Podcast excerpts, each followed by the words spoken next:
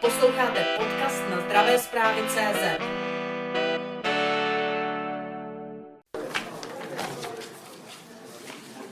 Doba se nám naplnila, takže e, tentokrát je opravdu trošku pozdní doba, za to se omlouváme, byť za to nemůžeme, protože včera byla mimořádná schůze sněmovny a vyšší bere samozřejmě, takže proto je schůze dnes, atypicky ve čtvrtek, atypicky v této podvečerní době, protože během odpoledních hodin všichni měli nějaké programy, které se již nedali na poslední chvíli zrušit. Dovolte mi, abych zde přivítala pana ministra Arenbergera, dobrý den, pana profesora Duška, pana náměstka Policara. Eh, přislíbil nám na tento bod účast pan ministr Zaorálek, protože to bude velmi důležité. Dovolte mi, abych zde přivítala zástupce Senátu, pana doktora Krauze, pana doktora Fialu, dobrý den. Jsem ráda, že jste přišli. Vítám zde zástupce pojišťoven a profesních komor, děkuji, že jste přišli a vítám samozřejmě všechny hosty, kteří jsou zde. Všichni jste dostali program písemně, takže tam nedochází k žádnému překvapení. I ten program, tak jak je dnes eh, napsán, je eh, s určitou eh, mírou, samozřejmě velkou mírou, k tomu, abychom stihli všechno. Jsou to velmi závažná témata, takže není možné jinak, než se s nimi vypořádat. A co se týče toho programu jako takového, tak prosím pěkně dovolte mi, abych tuto schůzi prohlásila za zahájenou a e, ptám se rovnou, máte někdo něco k programu, chcete nějaký bod doplnit, přiřadit?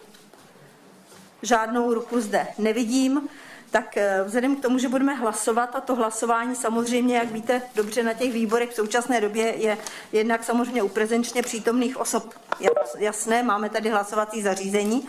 U vzdáleně přítomných kolegů, prosím, protože toto budou důležitá, důležité věci, tak vidím připojeného pana doktora Janulíka, pana doktora Dvořáka, pana profesora Válka a jistě ještě další se nám zakrátko připojí.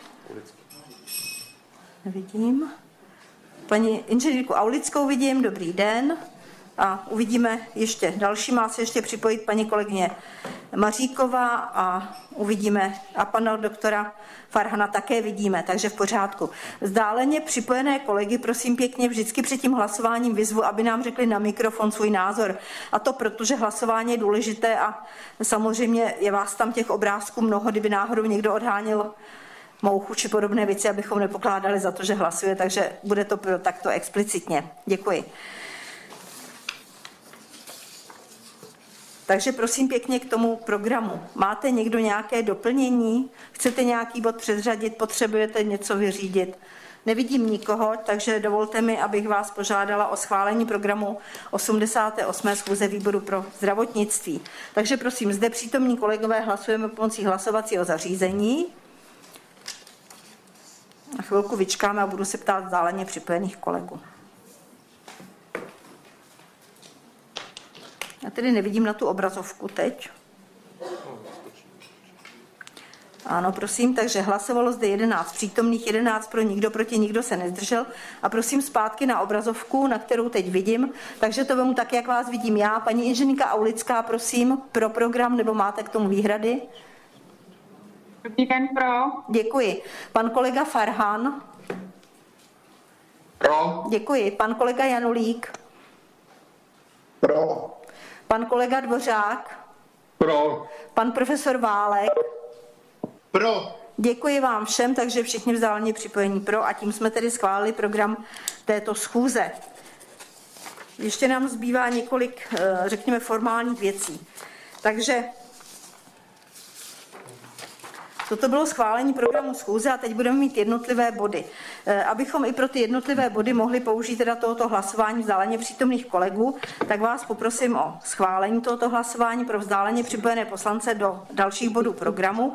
A to proto, že dle usnesení poslanecké sněmovny číslo 1390 ze 72. schůze a následném rozhodnutí číslo 109 předsedy poslanecké sněmovny ze dne 23. dubna 2021 o prodloužení možnosti konat schůze výboru pro prostřednictvím videokonferencí povolené vzdálené účasti na to jednání do 31. května 2021.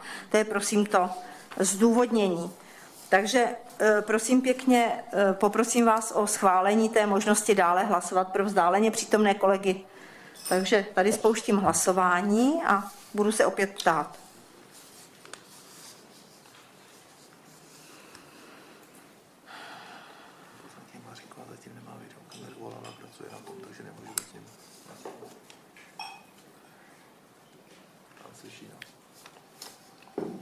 Takže 11 eh, přítomných, 10 pro, 1 proti, nezdržel se nikdo a budu opět jmenovitě vyvolávat. Paní kolegyně Aulická. Pro. Děkuji. Pan kolega Janulík. Pro. Děkuji. Pan kolega Dvořák. Pro. Děkuji. Pan profesor Válek. Děkuji. Pan kolega Farhan. Pro. Děkuji. Takže vzdálně připojení kolegové, tak jak jsme jmenovali všichni pro. Děkuji vám. Dalším bodem našeho programu je schválení ověřovatele této schůze. Máme tady několik možností a všechny jsou víceméně pro nás nereálné. Takže všichni kolegové, kteří by mohli být ověřovateli, tak eh, zde nejsou. Takže musíme eh, z ověřovatelů máme jakou možnost další? Pan poslanec Pávek, mohl byste být ověřovatelem? Děkuji. Takže prosím pěkně ověřovatelem této schůze. Pan profesor Válek. Pane profesore, děkuji za to, že jste tady eh, udělal takovéto antré, super. Takže prosím pěkně, ověřovatelem této schůze bude pan inženýr Pávek, takže prosím pěkně, tady spouštím hlasování.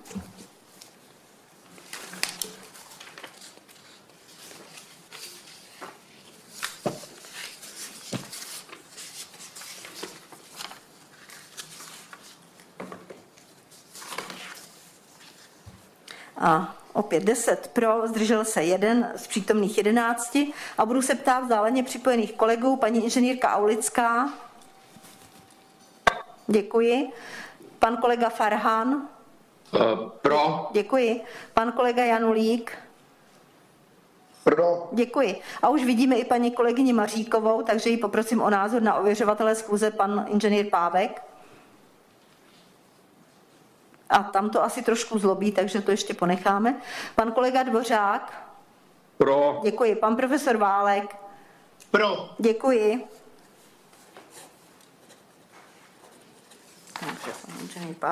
Takže děkuji, pane inženýr, že jste se toho ujal.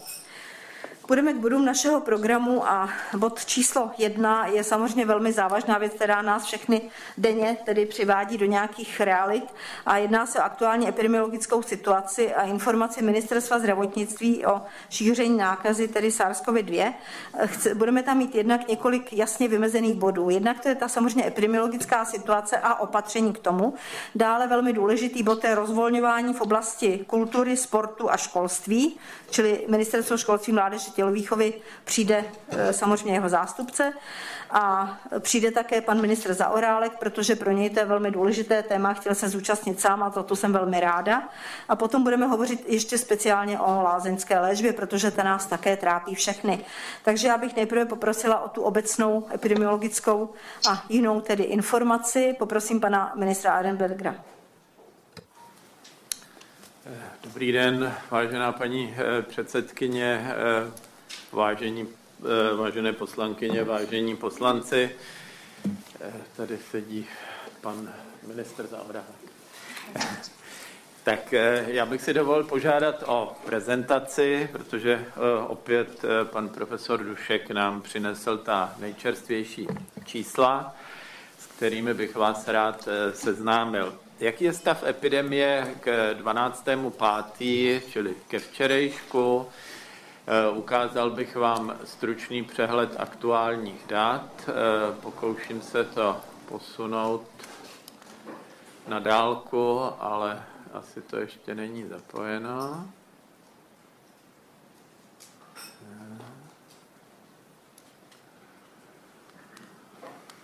Pořád nereaguje.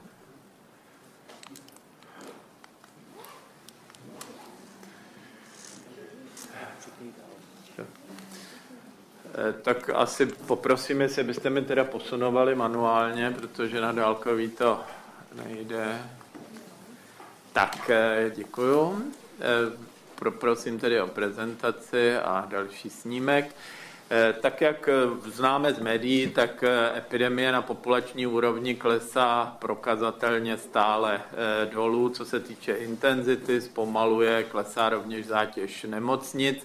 Průměrný počet nově prokázaných případů onemocnění klesl pod 1500 denně a stále klesá. Reprodukční číslo se pohybuje mezi 0,7 a 0,9. Pokles je nadále patrný ve všech věkových kategoriích, a to jak u dospělých, tak u dětí. To nám tady dokumentuje i graf, který vidíme a modrá šipka nám jasně ukazuje, že směřuje dolů. Mezi týdenně vidíme úbytek počtu pozitivních diagnóz asi vždycky o čtvrtinu v průměru. Vidíme tady i na tomhle grafu, že i ve věkových skupinách u dospělých, což je vidět tady, včetně seniorů, klesá intenzita, tedy populační zátěž stejně a docela pěkně konverguje. Tady ty obrázky ukazují, jak se vyvíjí sedmidenní počet nových případů na 100 000 obyvatel v jednotlivých okresech. Ty modré plochy ukazují místa, kde je pod 100 na 100 000 obyvatel v sedmidenním klouzavém průměru.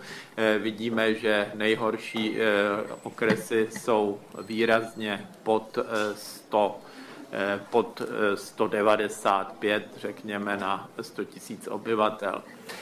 Mezi regiony se rozdíly postupně zmenšují. Už jsme zaregistrovali z dřívějších rozvolňování, že nejrychleji epidemie zpomaluje v Královéhradeckém, Karlovarském a Plzeňském kraji. Podobně je to s Prahou, Libereckým krajem, Pardubickým a Středočeským. Nově je pod touto hranicí také kraj Olomoucký. Pokud se podíváme na detailnější škálování, které nám to ukáže ještě lépe, tak se tam objeví i ty světle modré plošky a to jsou ty okresy, které mají tu výhodu, že mají pod 50 na 100 000 obyvatel v sedmidenním klouzavém průměru. Tady to vidíme v detailu, čili Královéhradecký a Karlovarský kraj už klesly na výrazně nízkou úroveň prokázaných nových nákaz. Zátěž regionu vidíme možná ještě přehledněji tady na této tabulce, kde ty modré kraje jsou pod 100 na 100 000 a nad touto hranicí jsou už kraje, které jsou také brzo kandidáty na 100 na 100 000 a to je jak Moravskoslezský kraj, Zlínský kraj, o kterém jsme hodně hovořili, Jihočeský kraj a také kraj Vysočina. Jinak celková, říkejme tomu incidence, ale je to prostě počet registrovaných nových případů, tak se pohybuje v celé republice na 82 dnešnímu dni na 100 000 obyvatel v sedmidenním klouzavém průměru, čili pokleslo nám to velmi výrazně a v podstatě tak, jak jsme predikovali, to znamená kolem toho desátého jsme dosáhli této magické hranice. Hodnota reprodukčního čísla je ve všech regionech pod jedna a jak vidíme, tak se rozdíly mezi jednotlivými regiony zmenšují. Tady to vidíme ještě možná pěkně v těch jednotlivých krajích, které jsem tady jmenoval a i v nich vidíme stále kontinuální pokles nové tedy incidence. Zátěž nemocnic také klesá v důsledku klesajícího počtu nákaz u zranitelných pacientů. Tady to vidíme zase graficky u populace seniorů nad 65 let. Za uplynulé tři dny jsme nově diagnostikovaných měli 454, za 14 dní to pak bylo kolem 3 000. To, co nás hodně zajímá, jsou také počty hospitalizovaných pacientů, které klesají a roste i dostupná kapacita lůžek, včetně jipových. Celkem v nemocnici je tam, to je číslo k desátému, je to 1884 na jipech pod 400, eh, z toho na umělé plicní ventilaci 171 a také se ještě využívá ECMO, i když zhruba asi z poloviny, než tomu bylo eh, třeba eh, před měsícem, ale dneska už jsou ta čísla zase nižší. To vlastně v podstatě vidíme i tady na tom grafu, kde i v hospitalizacích vidíme postupný pokles eh, při nových případů vždycky, eh, které se hospitalizují asi o, nebo vůbec hospitalizovaných jako takových eh, asi zhruba o čtvrtinu týdně, čili kopíruje to v podstatě výskyt těch nových případů a jede to podle té žluté, tedy nejoptimističtější křivky. Velmi důležitá, důležitý je údaj také hospitalizovaných na JIPu. I tam vidíme eh, ten výrazný pokles, který už ve většině krajů eh, umožňuje i zahájit eh, plánovanou péči a operativu. Průběh vakcinace k 12.5. vás také určitě bude zajímat. Celkem bylo k očkování Eh, zadaných 3 eh, miliony 900 tisíc eh, dávek, z toho očkovaných osob bylo, to doufám, že to není covid, bylo 2837, 2 miliony 837 tisíc a z toho už dokončené očkování má přes milion našich spoluobčanů. Stále dominuje a je to podle plánu látka Comirnaty, čili eh, Pfizer-BioNTech, eh, jinak eh, očkujeme dál Modernou, AstraZeneca i Janssenem. Výhoda je právě v ISINu, že se do modulu očkování zadává online. Tak, teď se mi to tam zase kouslo, takže bych poprosil o další slide, jestli můžu poprosit. Výborně.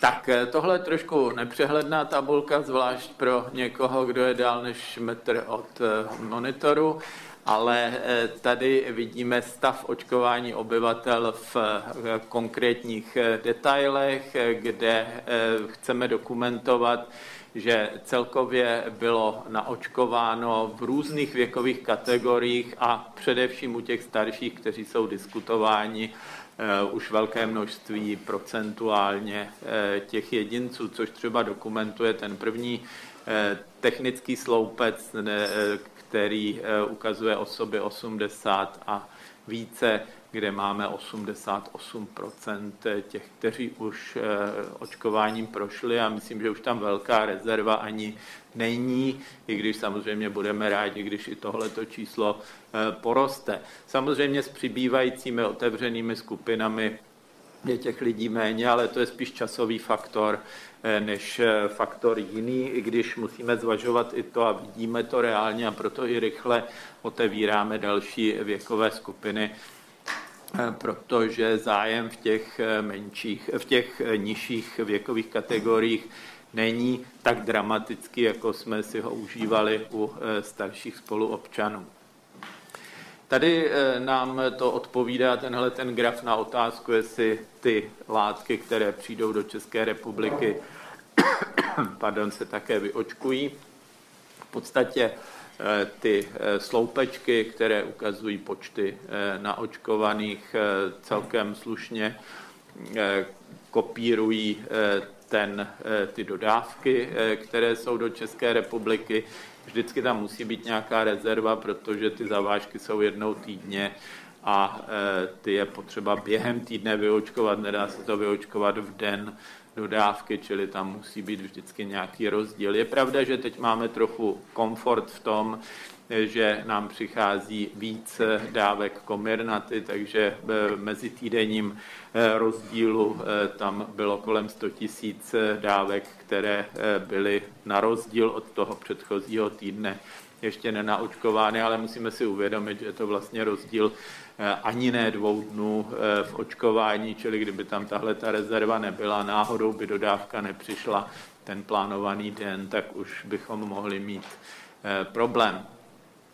Očkování eh, v jednotlivých krajích je vidět tady. Možná si řeknete, že hlavní město eh, Praha je na tom nejhůře, ale to je dáno tím, že u nás se sice eh, tady v Praze očkuje mnohem více než jinde, ale zřejmě do Prahy přijíždějí i občané, kteří mají trvalé bydliště buď ve středočeském kraji, no, nebo dokonce i ve vzdálenějších oblastech a proto na počet obyvatel je vlastně Praha na tom eh, ze všech eh, krajů nejhůře, co se týče podaných dávek na počet obyvatel. Tady, když se podíváme i na eh, tabulky, které ukazují číselně přehled podle regionů, tak tady vidíme, že nejúspěšnější jsou kraje při přepočtu eh, na osoby 18 plus, eh, tak vidíme ta jednotlivá čísla, která jsou vlevo vyzeleněná a jinak dokončené očkování eh, vidíme buď v procentech očkovaných, anebo v procentu populace nad 16 let v těch posledních dvou sloupečkách. Absolutní čísla potom jsou v tom bílém sloupečku. Eh, očkování podle věku, to nám také kopíruje to, jak postupně nastupují eh, ty jednotlivé věkové kategorie do možnosti očkování, čili tady vidíme eh, určitý rozdíl, který je ale posunem v podstatě v čase podle toho, jak se otvíraly ty jednotlivé skupiny.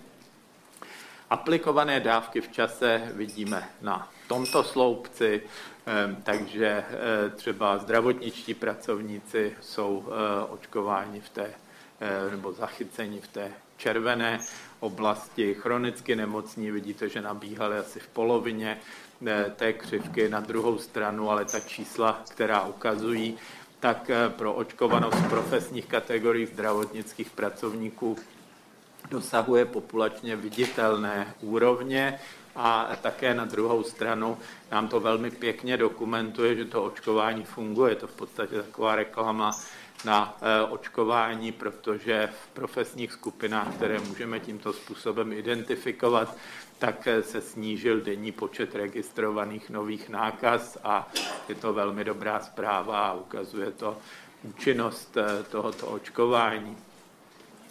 Eh, když se podíváme tady, tak vidíme, že 80% lékařů, 68% zdravotních sester a eh, teď již 64% ostatních zdravotnických pracovníků už eh, je naočkováno.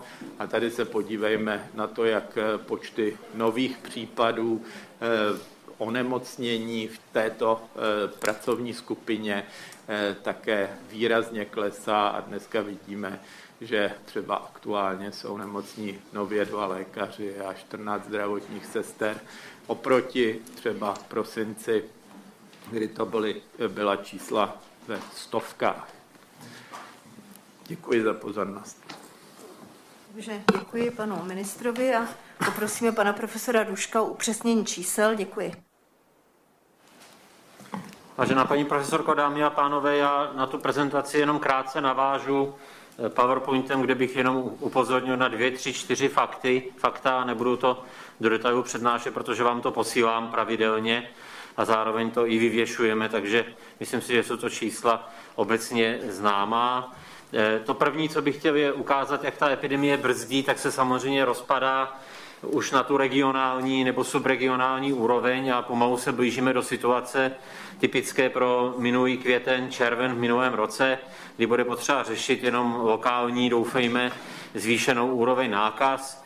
Takzvané reprodukční číslo, počítané v podstatě z procentické dynamiky, je menší než jedna ve všech regionech a můžu nyní říct, že v podstatě i ve všech okresech. A to, co ukazoval pan minister, eh, tak opakovat nechci. Chci vám jenom ukázat, že ve všech regionech, když se podíváme na relativní pozitivitu testu, tak jednak progresivně klesá. To je jeden z velmi důležitých ukazatelů, ukazující na to, že ta virová nálož v populaci jednak zpomaluje a slábne. A i v těch regionech, kde tyto indikované testy mají tu pozitivitu vyšší, tak ta pozitivita je kolem 10%, takže už i to rizikové vysoké číslo vlastně samo o sobě, nebo vyšší číslo, tak, tak je mimo ten, ten rang velmi rizikových jako, čísel jako, jako takových. Klesá počet primárně diagnostikovaných symptomatických lidí, to silně koreluje s tím, jak klesá přísun lidí do nemocnic, o tom ještě krátce řeknu. Zase vidíte, že ten graf na té pravé straně obrázku nenechává žádných pochyb, že ten pokles je plošný, týká se vlastně všech regionů. A tady je eh, seznam těch nejvíce v úvozovkách zatížených okresů. Jenom zdůraznuju, že samozřejmě vám ty tady ukazuju celkové počty nakažených na 100 tisíc což je číslo, které je produktem testu, není standardizované, takže kdyby se přestalo testovat, tak samozřejmě to číslo se propadne. Je to, je to číslo, které ukazuje výsledek testu, vidíme jenom to, co testujeme, ale ta nálož testu je srovnatelná v čase s retrospektivou dvou, tří, čtyř týdnů, takže zase to, co je na té pravé straně, to, co ukazuje pokles v tě, ve všech regionech, tak je, tak je relevantní obrázek, který říká, že ta časová řada padá. A toto bude nová forma, jak budeme prezentovat, a já to zapnu teda v druhé polovině května, kdy se přepneme z těch plošných prezentací, depresivních, do prezentací, které doufám budou ukazovat jenom jakýsi potenciální ohniska splanutí, lokální klastry.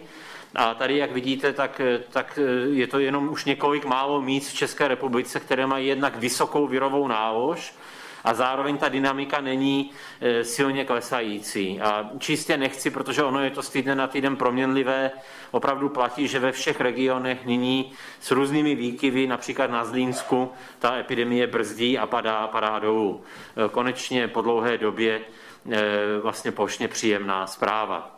Krátce k těm testům, to, co jsem říkal, tady vidíte objem prováděných PCR testů protože klesá důvod ke klinicky indikovaným testům, protože ubývá symptomatických jedinců, klesá příjem do nemocnic, tak samozřejmě eh, se, se, se dlouhodobě snižuje tahle ta nálož, ale dívejte se, že vždycky s perspektivou nějakých dvou, tří týdnů určitě je možné i na bázi toho objemu, který je realizován, posuzovat ten časový vývoj. A toto je velmi pozitivní křivka, Toto je velmi silný korelát vlastně budoucího spanutí epidemie. Kdyby se to otáčelo nahoru, tak vždycky téměř s jistotou do, do dvou týdnů to pocítíme v nemocnicích. Teď to se trvale dlouhodobě se všemi výkyvy, které sebou nese běžná variabilita, klesá a hodnota pod 10% u klinicky indikovaných testů je u takovéhle nakažlivé nemoci s velkým reprodukčním číslem základním velmi pozitivní číslo. A ještě pozitivnější je toto. Každých 14 dní, co vám to ukazuju, tak vám ukazuju vlastně pozitivnější a pozitivnější číslo. Teď máme epidemiologicky indikované testy, které ukazují potenciál šíření té nákazy v blízkém a trasovaném okolí rizikovým, rizikových kontaktech toho pozitivního jedince a máme to pod 5%, takže skutečně velmi dobrý populační signál, který, jak jste před chvílí viděli, se týká vlastně naprosté většiny, naprosté většiny regionů. Testuje se dál antigenními testy, nadále platí, že přispívají zhruba pětinou ke všem těm pozitivně diagnostikovaným, jsou podle platných algoritmů konfirmovány, pokud je to pozitivita, která nesedí na klinický obraz. A nadále přispívají i k záchytu těch asymptomatických jedinců, takže jakkoliv e, se to různě diskutuje, a na to určitě nejsem expert, abych e, posuzoval ty jednotlivé typy testů, tak z toho celkového epidemiologického pohledu eh, ten komplement antigenního testu jako screeningového eh, testu proti tomu diagnostickému konfirmačnímu zatím dává v České republice smysl a ta záchytovost je stabilní. A tady tento výběr z kapitol bych ukončil eh, pohledem na některé pouze vybrané modely. Já vám teď pravidelně už posílám jednou týdně takový standardizovaný report, který byste měli všichni dostávat. Většinou ho posílám v pondělí a tam vidíte všechny typy těch prediktivních modelů i po jednotlivých regionech. Takže jenom velmi krátce, zatím se ta epidemie vyvíjí a evidentně se další 14 dní bude vyvíjet, to by se musela stát nějaká katastrofa, aby to teď vybočilo, tak se vyvíjí podle toho eh, nejoptimističtějšího scénáře, který jsme nastavili někdy kolem 5. Vidíte, že to jede podle té spodní čáry, drží se stále reprodukční číslo někde kolem 0,8 Přináší to zhruba mezitýdenní poklesy 20 až 23% a často dostávám otázku, kdy tedy protneme nějakou tu magickou hranici 75 na 100 tisíc. Já nejsem žádný fanda tady těchto hranic, protože ty hranice jsou vlastně celkový počet potvrzených případů, e, vlastně to není ani celkový počet nakažených případů a jsou vlastně produktem těch testů, jestli rozumíte. Ale přeci jenom je to mezinárodní marker, který, na kterém se shodla řada významných institucí, a pokud platí, což teď v České republice platí, že ta testová, eh, ten, ten testová strategie je stabilní, tak to svůj smysl má, protože ono to ukazuje eh, tu relevanci toho časového poklesu. Takže máme na tu otázku odpovědět, tak hranici 75 na 100 tisíc za 7 dní protneme přibližně 17. až 25. Jak tam vidíte, zatím se to drží skoro pravítkově té klesající křivky. V každém případě je ten vývoj epidemie v České republice v tuto chvíli opravdu velmi pozitivní a jsem rád, že to mohu říct. Klesáme dolů podle toho optimistického modelu, jak říkám, toto je SAIR model, který promítám tady dlouhodobě. Na tu vínovou křivku jste zvyklí, protože ji držíme teď stabilně už druhý měsíc, já ji neměním. Až teď v druhé polovině května zase uděláme novou modelaci. Doufám, že už nebude moc co predikovat, protože to bude ležet skoro při zemi. Na těch záchytech směrem dolů se už podílejí i, e, podílejí i postupující vakcinace. Vidíte zase schodu žlutého řetízku, což jsou reálné hodnoty naměřené sedmidenní průměry a té predikce, to je ta vínová čára, rychlý pokles epidemie směrem dolů. A zase toto, co opět tady pokaždé ukazují, tak to jsou ještě reálné hodnoty, ty tečky jsou reálné hodnoty v konkrétních dnech. A velmi rychle, prosím, co tyto modely, když se, když se promítnou do zátěže nemocnic, což je samozřejmě tvrdý parametr, který nelze jakýmkoliv způsobem komentovat jinak, než že, než že eh, je, je, je tvrdý, není, není závislý jenom na nějaké strategii testování, ale opravdu je to odraz stavu v nemocnicích. Žluté sloupečky jsou reálné počty hospitalizovaných aktuálně na lůžku. Vidíte, z jakých vysokých hodnot jsme spadli dolů, když jsme začali ten model dělat tak to ještě rostlo a dostali jsme se až k 9,5 tisícům eh, lidí s covidem na běžném lůžku v jeden konkrétní den. A teď ten pokles, já to ukazuju, protože dívejte se na ty šedivý sloupečky, jak rychle jedou dolů. A opravdu se tento týden už dostaneme pod 1500 lidí celkově na lůžku, což začne být eh, objem péče, který už umožní i elektivní péči a rozvolňování péče v nemocnicích. Ale to hlavní, proč jsem to sem dal, Dívejte se, že to klesá rychleji, než je ta zelená čára. A ta zelená čára je ten nejoptimističtější model, který počítá jenom s těmi epidemickými opatřeními. A tam se evidentně začíná promítat efekt vakcinace.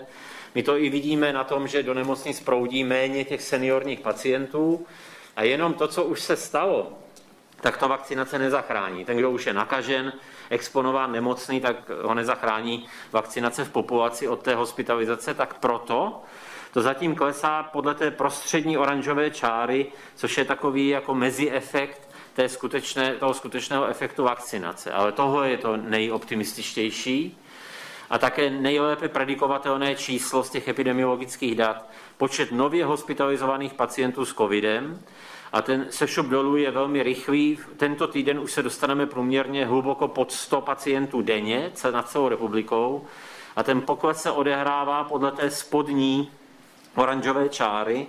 A to je čára modelu, který předpokládá rychlý efekt vakcinace. To znamená, každého člověka, který má první dávku vakcíny, po 14 dnech jakoby vyřazujeme z, té, z toho dalšího procesu, protože je v tom modelu předpokládatelně chráněn a skutečně ten model funguje, takže ukazuje ve své podstatě ten potenciální efekt eh, vakcinace Nevím, jestli by si to vychutnal teda každý, kdo, kdo, má, kdo nemá rád křivky, ale pro mě je tento obrázek reklamou na vakcinaci, protože ukazuje, že v podstatě ta vakcinace dělá přesně to, co má, a to je brání těžkému průběhu onemocnění, chrání lidi před vstupem do nemocnic a chrání je před mortalitou, což vidíte tady.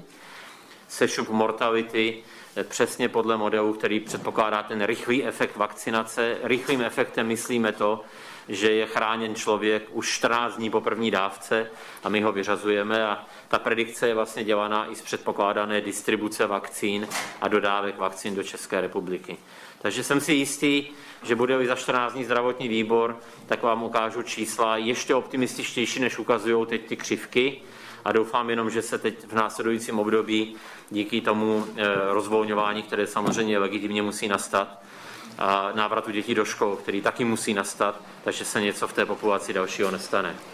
Ještě dovolte, paní předsedkyně, mou osobní omluvu. Já jsem nepočítal s přesunem na čtvrtek a ve tři čtvrtě budu muset odjet, protože mám velkou plenární přednášku na onkourologické konferenci a nemůžu to odvolat. Pardon. Eh, to děkuji, pan profesor už se omlouval před zahájením výboru. To jsme nikdo netušili, jak to dopadne, protože tady opravdu je flexibilita daná eh, životní nutností, takže děkuji za to sdělení a eh, vítám tady pana ministra Zaorálka. Dobrý den, pane ministře.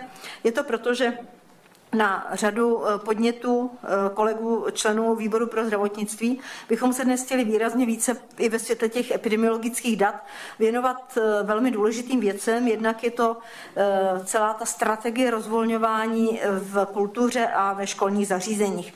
Víte velmi dobře, že se tím zabýváme dlouhodobě, leč bych tedy teď chtěla poprosit, prosím vás, je tu někdo za ministerstvo školství? Ano, dobře. Já se omlouvám velmi, prosím pěkně, protože se neznáme. Vy jste náměstkem pro nějakou činnost?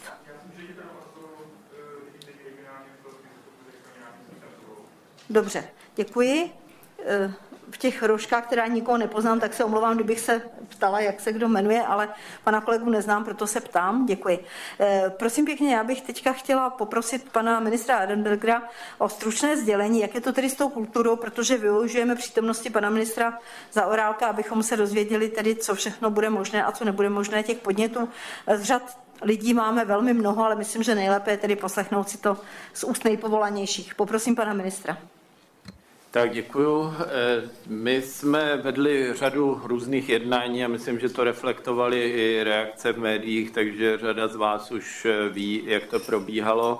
Eh, nám se podařilo urychlit postupné otevírání balíčků, které ale stále nadále respektujeme v tom jejich pořadí, s tím, že od této chvíle v podstatě umožňujeme už venkovní akce, eh, které považuje naše eh, epidemiologická skupina eh, za bezpečnější a jsou pro 700 osob venku při respektování 50% kapacity toho prostoru.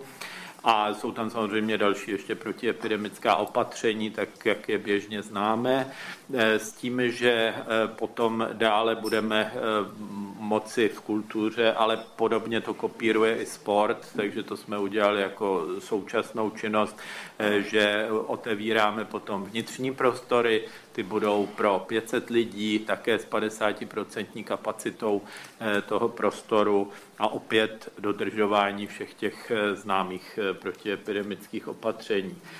Předpokládáme, že potom se pojede podle dalších balíčků. Pan minister tady přímo má ty jednotlivé tabulky, tak možná může potom na dotazy odpovědět ještě eh, podrobněji, ale v podstatě eh, jsme velmi rádi, že jsme dosáhli koncenzu jak s kulturou a sportem dohromady, aby se jedna eh, z těch skupin necítila nějak ublížená oproti té druhé a navíc jsme to ještě korelovali s možností pouštění dětí do škol, aby to nebylo jenom o kultuře, sportu, restauracích, ale také o tom, co je prioritou a to jsou právě děti. Děkuji, já bych poprosila pana ministra za orálka o pár slov, jak vidíte. Ano, děkuji, eh, děkuji za pozvání. A eh, jenom řeknu, že si myslím, to, co mě napadá na výboru pro zdravotnictví, že obnovování kultury by eh, mělo, mělo být podle mě i součástí toho obnovování duševního zdraví. Jakože, že vlastně si myslím, že to, že to souvisí.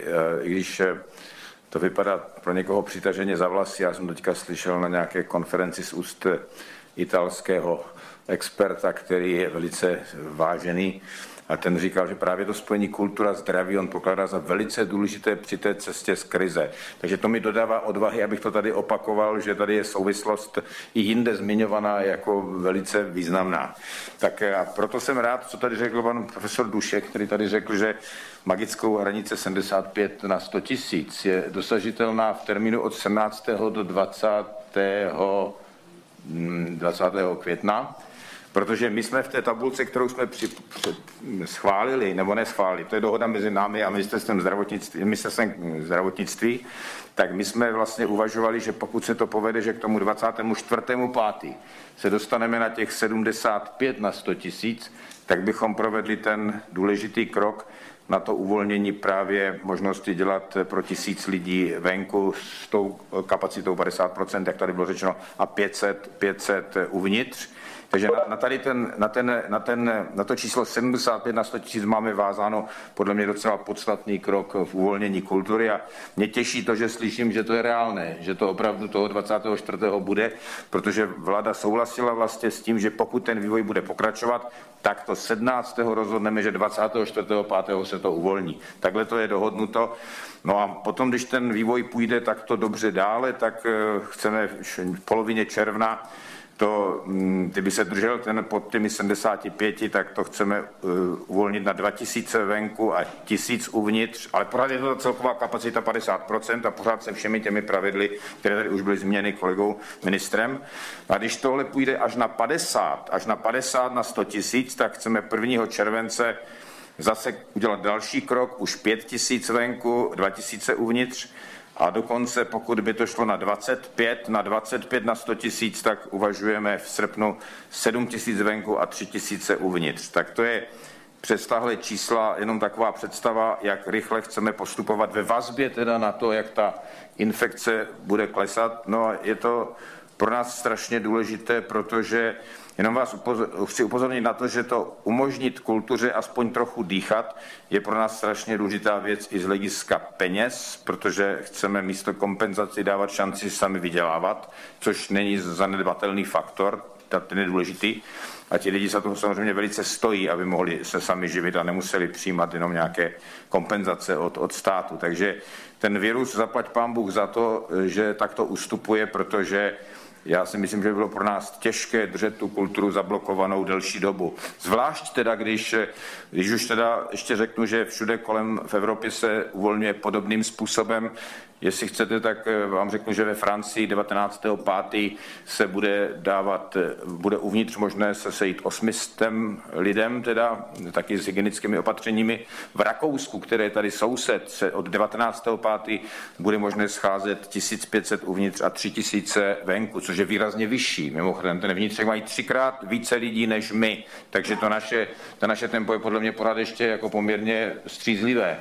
Jestli já teda si dovoluju to Rakousko srovnávat s námi, mně připadá, že tam ta situace není natolik odlišná, takže já si myslím, že to není žádné zbrklé uvolňování, když navrhujeme ty čísla 500, tisíc, tam, kde oni mají 1500 a 3000. Takže jenom abyste měli srovnání s tím. A hlavně si myslím, že bychom to neobhájili, kdybychom v Česku neuvolňovali kulturu takovým způsobem, jak, že, že by to vedlo k tomu, že byli za ní jezdili do Vídně. To je asi těžko představitelné. Takže i si myslím, tady je třeba se dívat kolem a postupovat nějak i v určitém proporci přiměřeně tomu, jak se ta kultura uvolňuje kolem nás. A mně připadá, že rozhodně nespěcháme. A ten vývoj je tady možná, to možná pan profesor Dušek bude vědět lépe než já, ale někdy mi připadá, že ten vývoj je možná ještě příznivější u nás, než v těch zemích, které jsem jmenoval, jako je Francie nebo i to Rakousko. Ta čísla dneska naše nejsou horší, jestli se nepletu. Jo, takže připadá mi, že se nehrozí to, co se samozřejmě bychom nechtěli. Nechtěli bychom opakovat to, co se tu jednou stalo, když jsme uvolňovali a pak nám to padlo na hlavu. Ale já si myslím, že se to neděje. Že tohle, co jsem vám řekl, že, jsou, že, to, je, že to je rozumné. Tak děkuji. Děkuji moc, pane ministře. Já ještě než dám slovo panu profesoru Duškovi, který musí odejít, tak uh, historie, historia dicit, tak se vraťme do minulého roku, kdy 28. dubna loňského roku profesor Dušek tady měl predikční takovou přednášku, která se vyplnila, musím říct, téměř do puntíku. Jenom asi jsme o ní málo mluvili, nebo jsme ji říkali jinde, než se říkat mělo. Takže poprosím pana profesora Duška, jestli tam může k tomu zareagovat. Já jsem tehdy za tu přednášku dostal i vynadáno, ale to už je... To, to už se tak si, stává. To už jsem si zvyknul. E, někdo to koupit musí. E, e, proč ne světlonoč, že?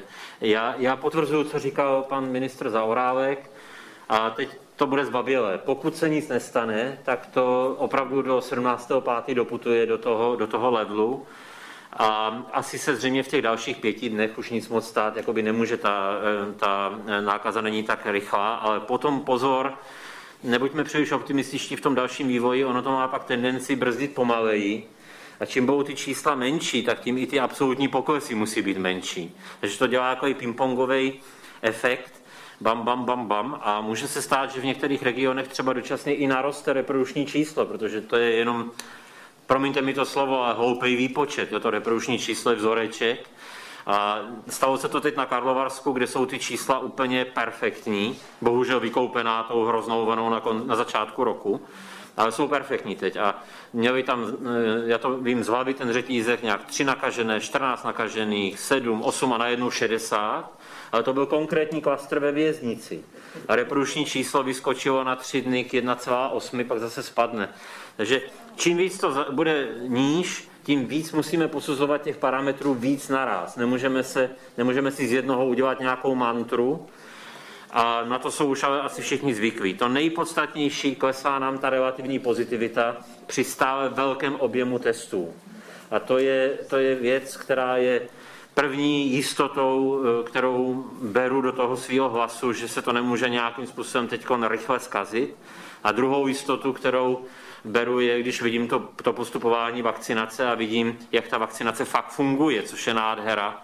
Jenom ty zdravotnický pracovníci už nemají skoro žádné nákazy. To je prostě krásná ukázka. A tak jsem si dovolil vzít to slovo, ať to tady furt zní. Lidi, dejte se očkovat. Já jdu zítra Každý se dejme očkovat, protože to je cesta ven. To je evidentně cesta ven. Když to nebude proudit do nemocnic, budeme zase ty čísla posuzovat trošku jinak. Děkuji za ten prostor. Děkuji za to.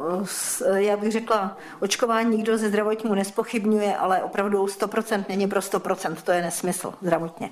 Takže eh, abychom tam zůstali eh, tam, kde to patří.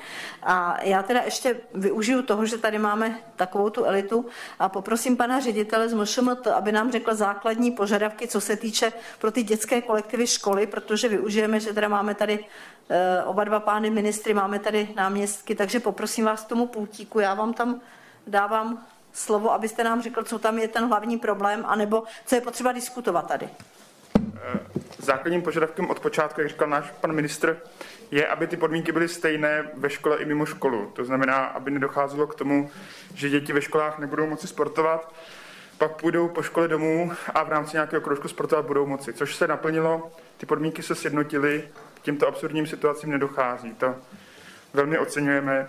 Do budoucna samozřejmě nemůžeme klást požadavky na uvolňování, protože ty se podřizují zcela epidemiologické situaci.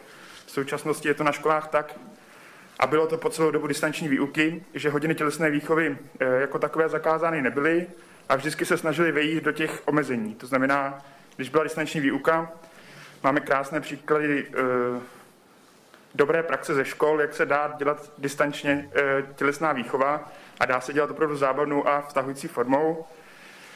Eh, když epidemiologická situace dovolí a teďka dovolila, ve třech vlnách docházelo k uvolňování v jednotlivých krajích podle epidemiologické situace v těch daných krajích, tak dochází teďka k povolení sportování venku, což velmi ceníme. To, že to kopíruje právě uvolnění sportování amatérů do 18 let.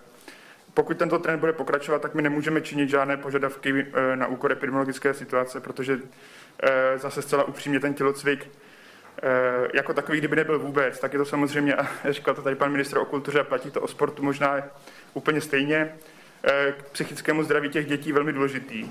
Ale jak říkám, dá se provozovat i v těch omezených podmínkách takže eh, tlačit na úkor epidemiologické situace sportování dětí asi ministerstvu eh, nepřísluší školství.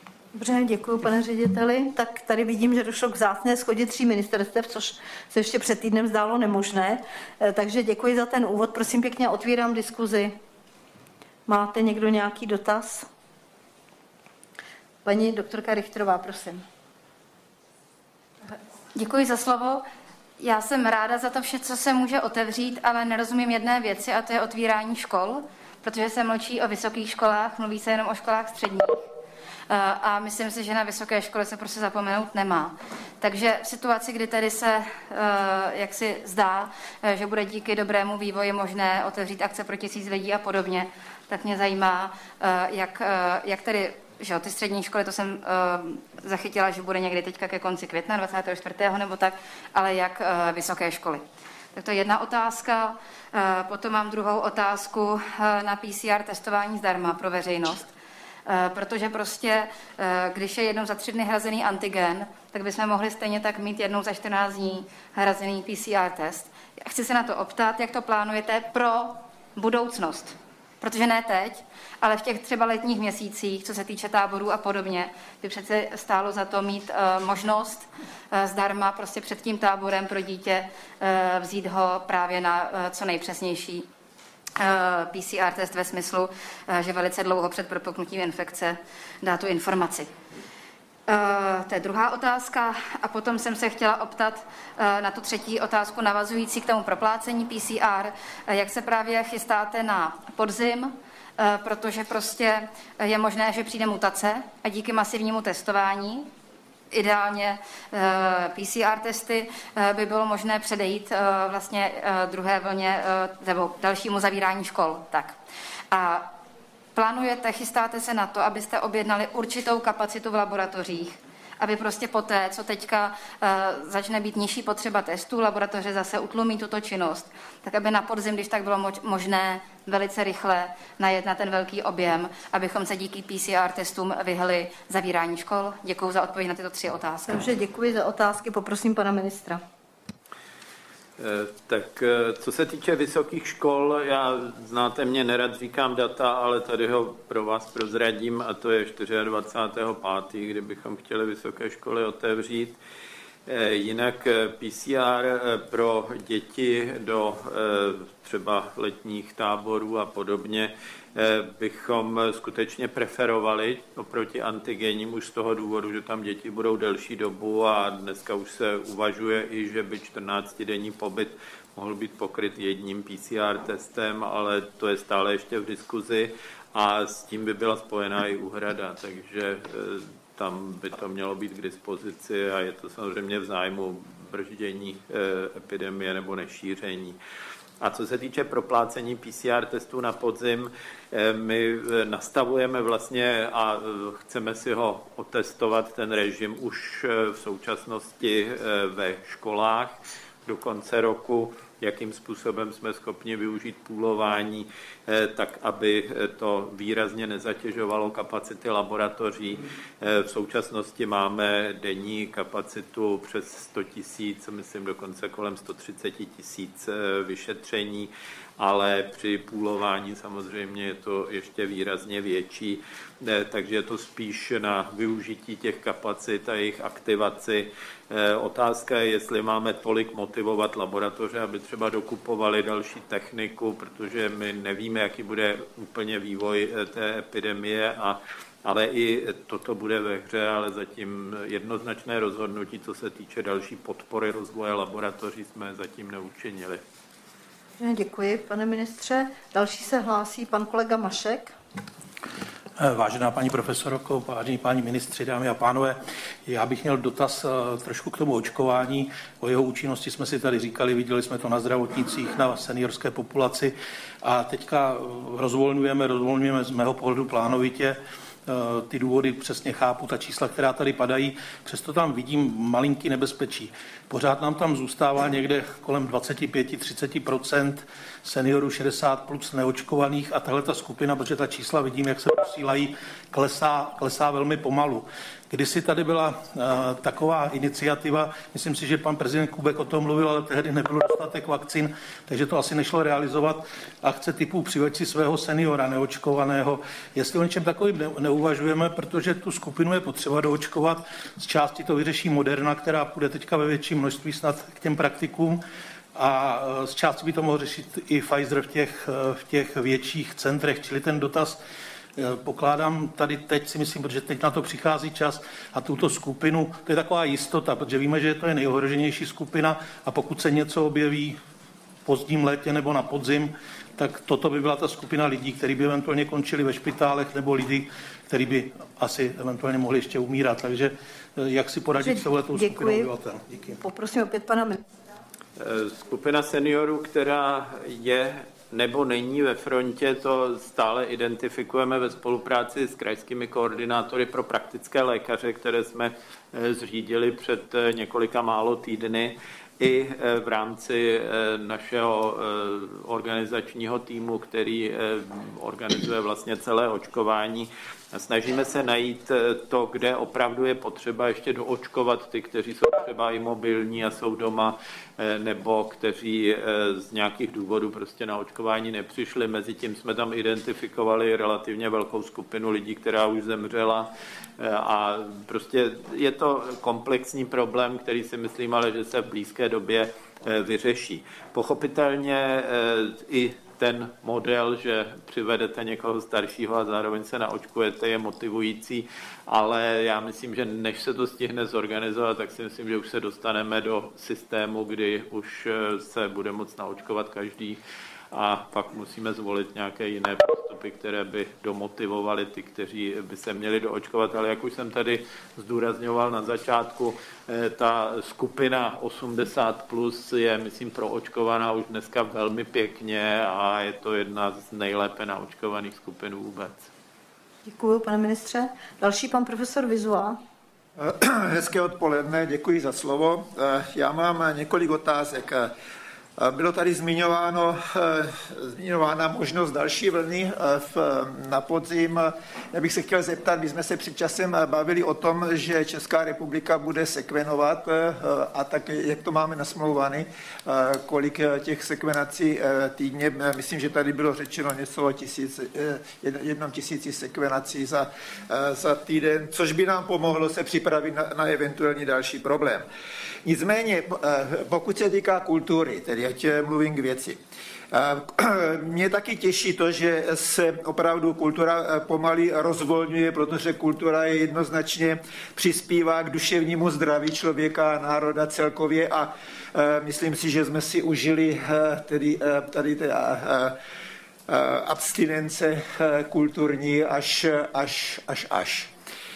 Nicméně zajímá mě to, jak to chcete udělat. Chcete to udělat s covid pasem, to znamená, do kina půjdu s covid pasem, ale teď ho zatím nemáte. Ten covid pas zatím se teprve řeší. Takže uh, chcete opravdu mít do toho 24. května už covid pasy hotový, protože pak se do kina nedostanu, pokud ho nebudu mít. Jsem plně očkovaný, ale přesto se tam nedostanu. A rád bych do toho kina šel. A mě zajímá jedna věc, eh, na kterou eh, se mě, mě ptají stále dokola už lidé a myslím si, že je to velmi závažná věc. Minule jsme si to dali do usnesení a to, je, to se týká těch lidí, kteří se nechali vakcinovat v zahraničí na vlastní náklady Evropskou unii schválenou vakcínou, ale místo, abych dostal odpověď tady z ministerstva na to usnesení, tak se dozvídám z médií, to bylo myslím tento týden, že prostě tito lidé nemají nárok na nic. To není možné. Oni na vlastní, eh, eh, za vlastní peníze se nechali naočkovat, přispěli tím výrazně eh, k, k tomu, aby ve společnosti vznikla jakási kolektivní imunita a my se k ním takto postavíme. Mě teda zaráží to, že se to musím dozvědat z médií a že to nedostanu eh, jako na zdravotní výbor, jako poslanec eh, parlamentu České republiky. To mě zaráží velice. A za další, eh, jak to tedy budeme řešit? Já jsem kontaktoval i pana ředitele Dzurilu z Nakitu, ten mě řekl, ten to hodil na profesora Duška. Kontaktoval jsem profesora Duška, ten to hodil na Dzurilu tak prosím vás, řekněte mi jméno, s kým mám o tomhle jednat, poněvadž to zas nemůže být takový problém. Jestliže si, dám vám řešení, jestliže si někdo přiveze ze zahraničí potvrzení, že, má, eh, že, má, eh, že byl očkovaný, jestliže se mu provedou protilátky a bude mít hladinu protilátek, tak praktický lékař zanese do své dokumentace tyto informace, tak aby se nepodvádělo, poněvadž to bylo v tom mediálním prostoru řečeno, že lidé budou podvádět, tak to nebudou moc podvádět. A e, ten praktický lékař toho daného e, e, člověka prostě vloží do toho ISINu. Tak kde, by, kde je ten problém pro Boha? Já jsem zatím slyšel jenom opravdu sami negativy a ti lidé jsou znepokojeni tím, že oni pomohli České republice, pomohli sobě samozřejmě, pomohli nám všem a my se k ním takto stavíme. A to nejsou malí, to nejsou malí počty. eh, vím o tom, že firmy si najali autobus, jeli do Srbska, tam se nechali naočkovat Pfizerem, Pfizerovou eh, vakcínou a takových firm byla celá řada. A my se k ním takto stavíme. Takže to, prosím vás, to není možné. Já bych rád na to opravdu znal zcela jasnou odpověď a, a hlavně teda rychlé řešení. A hlavně teda člověka, na kterého se mohu opravdu obrátit, ze kterým bych to mohl řešit. Poněvadž to, že z ministerstva zdravotnictví přichází informace, že to nejde, tady v tomto případě se nedá uznat. Opravdu nedá. Děkuji, pane profesore, určitě se dočkáme odpovědi. Já teda při té příležitosti bych chtěla také ještě se zeptat, a to je, eh, ten covid pas se skutečně skloňuje ve všech eh, pádech, které máme. Jistě to není jednoduché, my jsme o tom jednali před zhruba dvěma hodinami na klinické skupině a já tam mám jeden problém, který tu říkám už dva měsíce, a to jsou lidé, kteří mají pozitivní protilátky. To znamená, že oni tu nemoc prodělali, my nemůžeme říct, že ne. Oni prostě ji měli asymptomatickou, což je 25% lidí. To prostě není zase zanedbatelné, že by to byl někdo úplně náhodný. A k těm se tedy stavíme úplně macešsky, protože těm neuznáme ani protilátky pod uh, určitou výmluvou, že nevíme, kolik je protekce, což je pravda, to opravdu nevíme, ale my to nevíme ani u jiných chorob, ale my nevíme ani po tom očkování, jaká je ta protekce. Je třeba si říkat věci tak, jak jsou. Takže já bych byla velmi ráda, skutečně, kdybychom se dozvěděli ty podmínky třeba i toho uh, covid pasu a uh, určitě bych byla velmi ráda, kdyby tedy ti lidé, kteří jsou po očkování, nějakým způsobem byli zavzati. Pan ministr Zaorálek. Můžeme. Já ještě, než bude odpovídat pan minister eh, Arlenberger, tak já bych ještě možná eh, do toho vstoupil, že to, co tady říkal pan profesor Vizola, je skutečně dost důležitá věc z hlediska kultury. A já jsem to tady nezmínil, tak to ještě řeknu, protože to je podle mě taková hlavní výzva, ty testy. Protože eh, on to tady řekl zástupce ministerstva školství, že je strašně důležité, aby ta pravidla byla pro všechny stejná. Jo, když chceme testovat, tak aby všechny ty segmenty na tom byly stejně. A e, teď si vezměte, že já teda slyším, že už těch u těch kadeřnictví stačí čestná prohlášení. Teďka my chceme zavést čo, ty venkovní restaurace, ale slyšíte, ti hospočti už teďka protestují, že to nechtějí dělat takže to nebude asi jednoduché ten režim, aby se skutečně dodržoval. A vtip je v tom, že já si dovedu představit, že pokud ta pravidla nebudou všude stejná, tak ta kultura se ozve. A proč my máme takovéto režimy založené na PCR testech, antigenech a všem, tak budeme nakonec jediní, kteří je budou držet, když budeme chtít něco dělat. Že vlastně, ta, a to se samozřejmě dá vyřešit těmi covid pasy. Že? Kdyby existovala aplikace, což už stihli udělat v Rakousku nebo ještě, myslím, jinde, bychom to našli, tak to, to je věc, která by to řešila. A také to cítím, že pokud se tohle nepodaří včas, tak ten systém nemusí být udržitelný. A pro tu kulturu může zase vzniknout pocit diskriminace, jo? že teda jiní mají lepší podmínky než jiné. A tohle je opravdu podle mě zásadní výzva a to, tohle potřebujeme zvládnout. Děkuji za to připomínku. Já třeba dneska se tam řešilo to, že ta ochranná doba po prodělání nemoci bude 180 dnů, co když se podíváte do zápisu klinické skupiny, tak to byl můj dotaz a můj podnět, který je starý ale dva měsíce. Tak jsem ráda, že už dneska Česká vakcinologická společnost to vydala jako rozhodnutí. Vážím si toho, že konečně jsem našla teda někde nějaké opodstatnění a zastání, ale myslím si, že to, co říká pan profesor Vizula, je prostě velmi důležité a je to důležité v tom kontextu všeho, jak jste teda právě zmínil. Tak já bych, jestli už nikdo nechcete doplňující, dala slovo panu, profesor, panu profesore. Tak, dámy a pánové, sekvenování je skutečně plánováno tak a dokonce podle mých informací už v těch eh, více než deseti laboratořích by mělo probíhat eh, v počtu maximálně eh, tisíc vzorků týdně, kde ta laboratorní skupina připravila relativně eh, jednoduchý, ale přehledný eh, systém, který eh, indikuje ten typ nemocného nebo ty vzorky, které jsou vhodné pro sekvenaci a proč. Jinak to financování je už domluveno právě v těch laboratořích, kde se dají ty peníze poslat přímo. To znamená, jsou to jak laboratoře třeba v přímo řízených organizacích ministerstva zdravotnictví. Eh, jsou to i eh, laboratoře, eh, které jsou, myslím, dvě, které obhospodařuje ministerstvo zemědělství a je to Akademie věd. která dostane ty prostředky přímo. Je tam i dokonce definováno, kolik vzorků se očekává každého toho typu těch zařízení a jakým způsobem ty peníze dostanou. Budou hrazeny podle toho, kolik těch vzorků budou dodávat, ale mají určité limity. Jinak, jak říkám, ty peníze, eh, jedná se o 161 milionů, to už jsem tady, myslím, minule eh, referoval, že na to byly určeny a jdou eh, přímo ze státního rozpočtu. Dál potom, čili sekvenování je velmi důležité, zvlášť v situaci, kdy může kdykoliv vzniknout nebo se sem dostat nějaká mutace zvenku.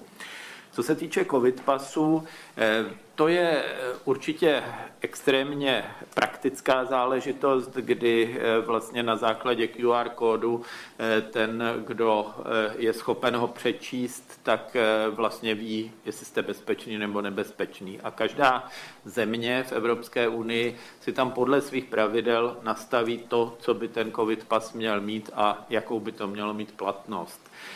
Takže ten systém je vlastně standardní pro eh, všechny evropské země, nebo ty, které se do toho zapojí, ale předpokládám, že všechny, ale eh, záleží potom na těch lokálních předpisech, jestli třeba budou uznávat dvě očkování, jedno očkování a tak dále. Eh, a třeba typy testů, délku jejich platnosti a podobně. Ale už v dnešní době my se můžeme prokazovat a dokonce už to běžně děláme třeba na úřadech nebo u kadeřnice a podobně eh, papírovými verzemi těch informací. Když přijdete s vytištěným eh, potvrzením o očkování, tak se můžete prokázat stejně jako covidovým pasem, akorát je to trošku nepraktické.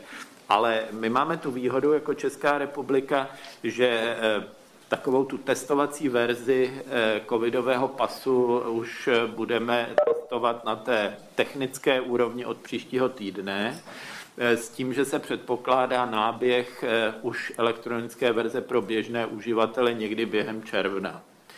Takže to je ke covidovému pasu. Jinak, co se týče vakcinace v zahraničí, je pravda, že v médiích proběhla informace o tom, že to zatím nejde, ale nesmíte věřit všemu ještě i B, které tam neproběhlo, a to je v kterých zemích eh, už eh, bude možno od soboty eh, očkování uznávat. Ono to totiž, jak jsem byl informován, není úplně jednoduché. Jednoduché je to logicky, třeba když se někdo naočkuje v Německu Pfizerem, tak asi není problém, aby se to tady uznávalo a ten certifikát je nějakým způsobem standardizovaný a použitelný. Ale e, uváděly se i jiné země Evropské unie, kde by ten, kdo se setká s tím, s tím certifikátem, e, třeba na hranicích nebo v restauraci, tak by nemusel rozumět tomu, ani by nevěděl, jestli se jedná vůbec o oficiální certifikát nebo ne. Čili eh, ve spolupráci s Ministerstvem zahraničních věcí dojde na úrovni diplomatických nót zatím eh, k možnosti využít eh, tyto vzájemně uznávané očkovací certifikáty s účinností od soboty s Polskem, Maďarskem, Rakouskem. Zatím se k tomu nepřipojilo Slovensko, ale i s tím se jedná, čili od soboty tyto země eh, by si vzájemně měly uznávat očkovací certifikáty. Nebylo ani to úplně jednoduché, protože třeba v Maďarsku eh, se ta kartička vydává už po první dávce a u nás bylo jednání, jestli první dávka je dostatečná, protože kdybychom zase my vyžadovali dvě dávky eh, očkování k tomu, abychom uznali člověka za očkovaného, eh, tak by to komplikovalo situaci, protože by musel předkládat kartičku a ještě nějaký druhý papírek, který by eh, potom říkal něco o druhé dávce. Stejně tak je to s, s akceptací látek očkovacích, které nejsou registrovány v Evropské unii a podobně. Čili eh, těch eh, otázek tam bylo potřeba vyřešit několik, ale já jsem v kontaktu eh, s panem ministrem zahraničních věcí a s tím se zatím podařilo tedy narovnat tyto, tyto země s tím, že třeba dneska zrovna jednal v Maďarsku s, teda v Bratislavě s maďarským protějškem a vyměnili si tam ty diplomatické noty na tuto oblast. Čili od soboty se to bude jednat v těchto pěti zemích a je to v podstatě na úrovni politické dohody mezi těmito zeměmi. Co se týče příjezdu třeba z třetích zemí nebo z jiných zemí, než které se jednají tady, a z hlediska toho využití praktického lékaře k tomu, aby identifikoval, jestli ten člověk je vhodný nebo není vhodný, nebo mu stanovil hladiny protilátek a podobně. To se zatím neprojednávalo, to zatím na stole není, ale určitě to je zajímavý podnět a určitě se tím budeme také zabývat. Je to asi potřeba i probrat s praktickými lékaři, protože, jak jste, pane profesore, říkal, může se jednat o větší množství pacientů a jde o to, jestli by ty kapacity praktických lékařů k tomu byly dostačující. Co se týče využití, a to byla vlastně otázka paní profesorky, protilátek jako ochrany nebo jedním z parametrů. Zatím se v covidovém pasu celoevropsky o hladinách protilátek nehovoří, to zřejmě proběhlo asi i v klinické skupině, ale určitě je to otázka, která se může diskutovat. Ten hlavní problém je v tom, že po nemoci nechrání pouze protilátky, ale chrání i buněčná imunita a hladina protilátek jako taková může různě kolísat u různých pacientů, ale přitom nemusí v zásadě nic říct o tom, jestli ta dotyčná osoba je nebo není chráněna.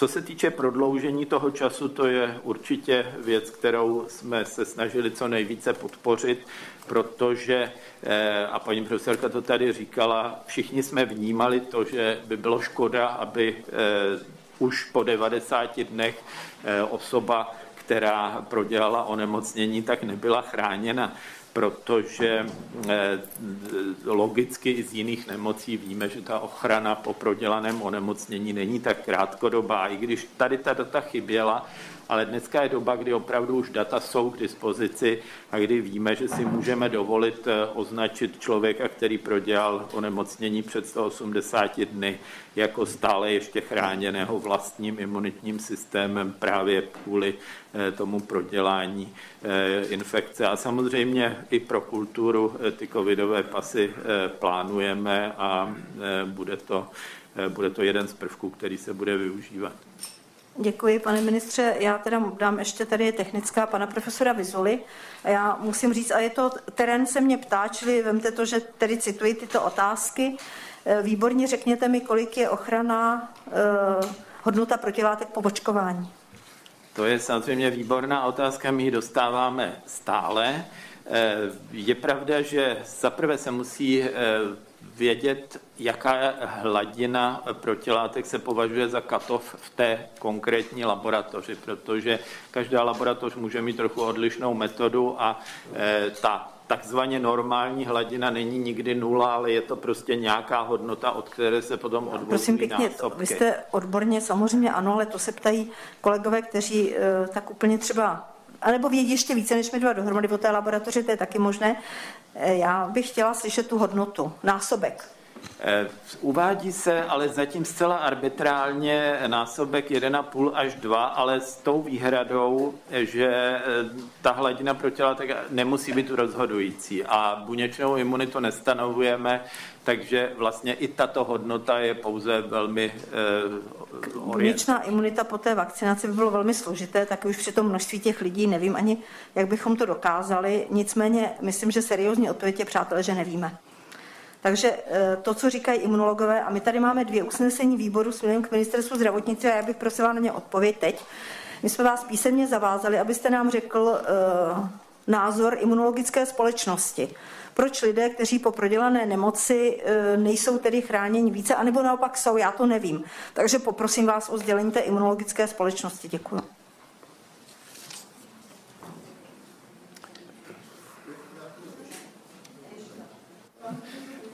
Jo, dobře, děkuji.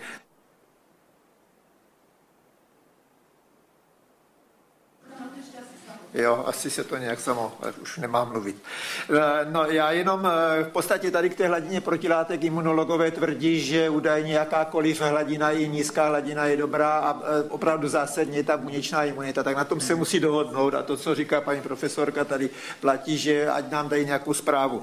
Ale já bych, se, já bych chtěl jenom k tomu, co jste odpovídal, pane ministře, mě na ty dotazy. Pokud se týká covid pasu, pro boha, jak chcete teda otevřít kulturu 24.5., když ten covid pas nebudete mít, když tam někdo přijde do kina a bude mít potvrzení o očkování, tak eh, to, je, eh, to, to se dá velmi snadno sfalšovat. Právě toto je eh, lehce sfalšovatelný. Ten covid pas jakou musí být. A jste řekl, že by eventuálně fungoval v průběhu června. No, tak to pak nemůžete otevřít, ale to kino bohužel.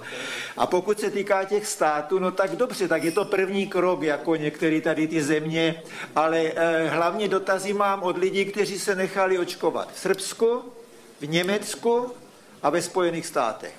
A tam, ne, tam jako není nic. Ty si do, ty si do kina ani nebrnknou. Děkuji za tu technickou. Pan minister, prosím.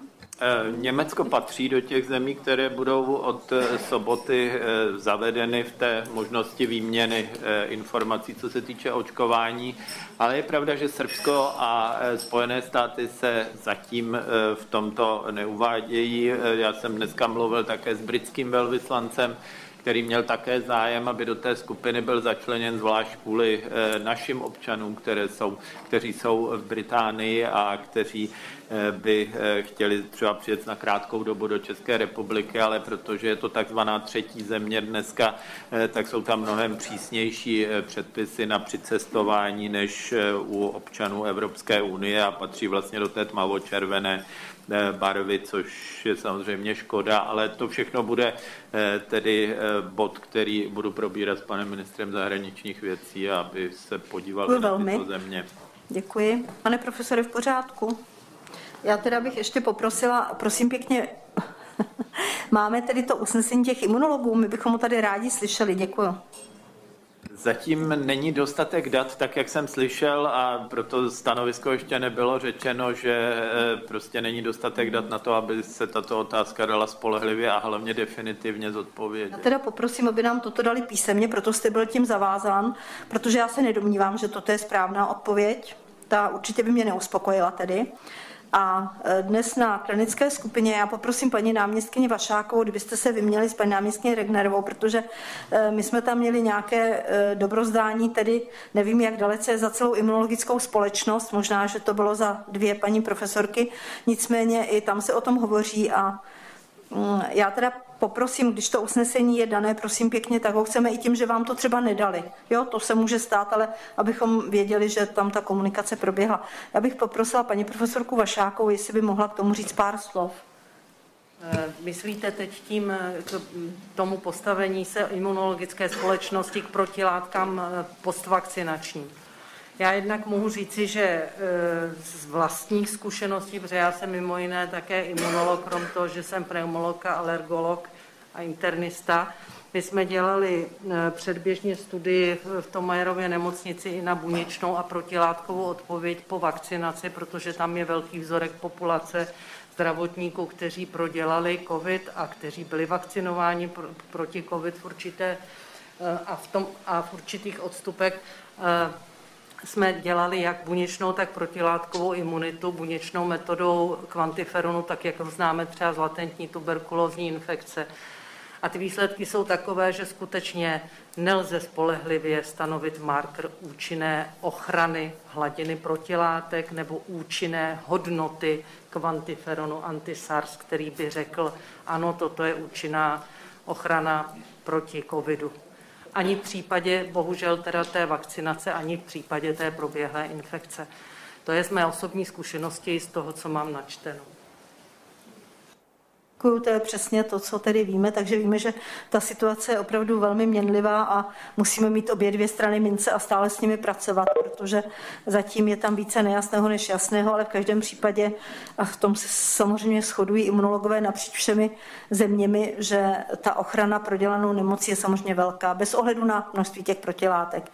My jsme tam dnes diskutovali i tedy řekněme, nějaký cut point, který by tam byl, tak teď úplně zatím pracovně, prosím pěkně, tam ta eh, skupina eh, doporučila nějaký dvojnásobek. A to prosím neříkáme číslo, protože toho času v terénu je několik různých kitů, ty laboratoře jsou různé, takže to nechceme, mně třeba se to zdá málo, ale to je teď můj osobní názor, protože prostě to opravdu nevíme. Takže určitě my budeme sledovat, to říkám teď pro všechny, jak tedy tu věc po očkování, která nás eminentně zajímá. Samozřejmě, tak i ty nemocné po prodělané nemoci, kteří z nějakých důvodů se nenechávají očkovat ani 90 dní, 180 dnů po nemoci, protože prostě třeba nemohou. Jinak jenom, abych to odlehčila, tak máme kolegu, což je primář jedné covidové jednotky, takže ten opravdu je tedy v denně v kontaktu s covidem a má e, takovou poruchu imunity, že prostě se očkovat ničím nemůže. Takže i to se stane ve zdravotnictví, čili není to tak, že by ti zdravotníci měli jenom výhody, to v krávu v žádném případě ne. Je to člověk, který denně nasazuje život a samozřejmě tím, že je velmi zodpovědný, tak eh, to dělá velmi zodpovědně a přitom ta ochrana u něj není. Takže to je jenom pro dokreslení, že to opravdu není jednoduchá situace a že ta představa, která se nám někdy tak dává velmi uh, laicky, jako že tady máme vakcínu, tak 100% lidí se 100% naočkuje, prosím vás, neexistuje. Neexistuje u žádné jiné ani nemoci. Takže bohužel, tedy bohužel ani u této. Uh, prosím pěkně dále pan inženýr Třešňák. Pěkné odpoledne, já budu velice stručný, protože vlastně ten můj první dotaz se týkal toho, co jsme zde teďka dlouho diskutovali, a to bylo to očkování v zahraničí. A já jsem sice k tomu původně měl připravené usnesení, ale považuji tu odpověď pana ministra za dostatečnou a jenom poznamenám, že doufám, že se k tomu připojí co nejdřív Slovensko, protože zrovna právě třeba lékařským fakultám to komplikuje fungování, kdy těm studentům není uznáváno to jejich očkování získané na Slovensku. Tak to je jenom taková malá poznámka. Ten druhý dotaz je poněkud obecnější, ale možná už eh, postupem času, jak se epidemie vyvíjí, už taky bude postrácet aktuálnosti a nerozumím tomu klíči, jak se přistupovalo k jednotlivým službám, kdy například pro tedy kadeřnictví byl vyžadován antigenní test, zatímco pro dentální hygienu, kde to riziko nákazy z toho infekčního aerosolu je mnohem vyšší, tak tam vlastně nic takového nebylo potřeba. Tak to je jenom takový rychlý obecný dotaz. A poslední věc, protože jsem zde, protože opakovaně zde otevírám to téma lázeňství a provozu lázní, myslím, že jsem zde zahlíd i prezidenta pana Bláhu a my to tam máme na programu, jestli k tomu ještě budeme hovořit eh, posléze. Samozřejmě budeme, eh, můžeme to udělat i tak, když to už pan inženýr provázal, eh, protože ta lázeňská léčba, eh, samozřejmě víte, že je problematická, respektive zatím ji chápeme jako problematickou tak, tak samozřejmě lázeňská léčba, která je pokračováním klasické léčby, se domnívám, že prostě je zdravotní úkon, o kterém není jako mnoho, ale samozřejmě je tam trošku specifik té lázeňské léčbě a tady by bylo také důležité si říct, jaké hygienické podmínky musí být splněny a a v jakém případě. Takže jestli můžeme poprosit, eh, buď jestli pan ministr, nebo jestli na někoho budete delegovat tuto pravomoc, tak prosím. Myslím, že eh, rád bych zodpověděl, ale já myslím, že tohle je spíš asi kompletně parketa paní hlavní hygieničky, tak jestli bych ji mohl požádat. Takže pultíček je zapnut, prosím. Takže co se týká těch služeb, eh, my jsme se snažili pro všechny služby nastavit podmínky úplně stejně, takže ten systém ten uplatňujeme všude a opravdu dentální hygienisty jsme považovali za spíše zdravotníky než eh, za službu, takže tam jsme toto nestanovovali, jako není stanoveno pro žádnou nemocnici, že by tento systém měla mít zavedený. A co se týká lázeňské péče, tam jsme nastavili ty podmínky e, zejména pro samoplátce, kteří tam ten systém test nemoc očkování nastavený mají stejně jako pro všechny ostatní služby. Dobře, děkuji. Pane inženýr. E, já jenom možná doplním k tomu lázeňství. Znamená to tedy, že v případě, že to dovolí eh, nastavení mezinárodního styku a ten, ten semafor pro mezinárodní styk, že bude možné například i vlázník za splnění a znovu se odkážu na to, pokud bude uznáváno německé očkování, například povolit i léčbu německých pacientů v nějaké dohledné době a stejně tak bude otevřeno plně pro samoplátce české. Že poprosím tady ještě na tu doplňující otázku, jestli můžete odpovědět. Paní doktorko, poprosím vás. Samozřejmě, pokud eh, začnou platit ty bilaterální dohody a potom začne platit evropský pas, tak samozřejmě ty lázně budou otevřeny i pro samopláce z Německa. Není důvod nevěřit eh, německému systému očkování, testování a podobně. Děkuji, spokojen pan inženýr. Výborně. Poprosím pana doktora Kasa. Děkuji, paní předsedkyně, vážený pane ministře, vážení paní ministři, omlouvám se, zástupci ministerstev. Já jenom dvě poznámky a potom se trošku jíst dotknu školství, protože dneska probíhal podvýbor, potom propojený i se seminářem, který se týkal z dětí a zdraví, sportu a školy. Jenom k té sekvenaci, to jsme probírali taky na klinické skupině. Chci upozornit na drobný čertík v detailu, Eh, ohledně sekvenací, že eh, samozřejmě může vzniknout mutace u nás, ale pravděpodobnější je, že si ji můžeme dovíst. A v tuto chvíli v těch žádankách chybí okýnko na to, aby, to vyplňují praktičtí lékaři, nebo lékaři, kteří indikují ten výtěr. Eh, a já jsem to chtěl původně na pana kolegu Duška, ale ten tady není.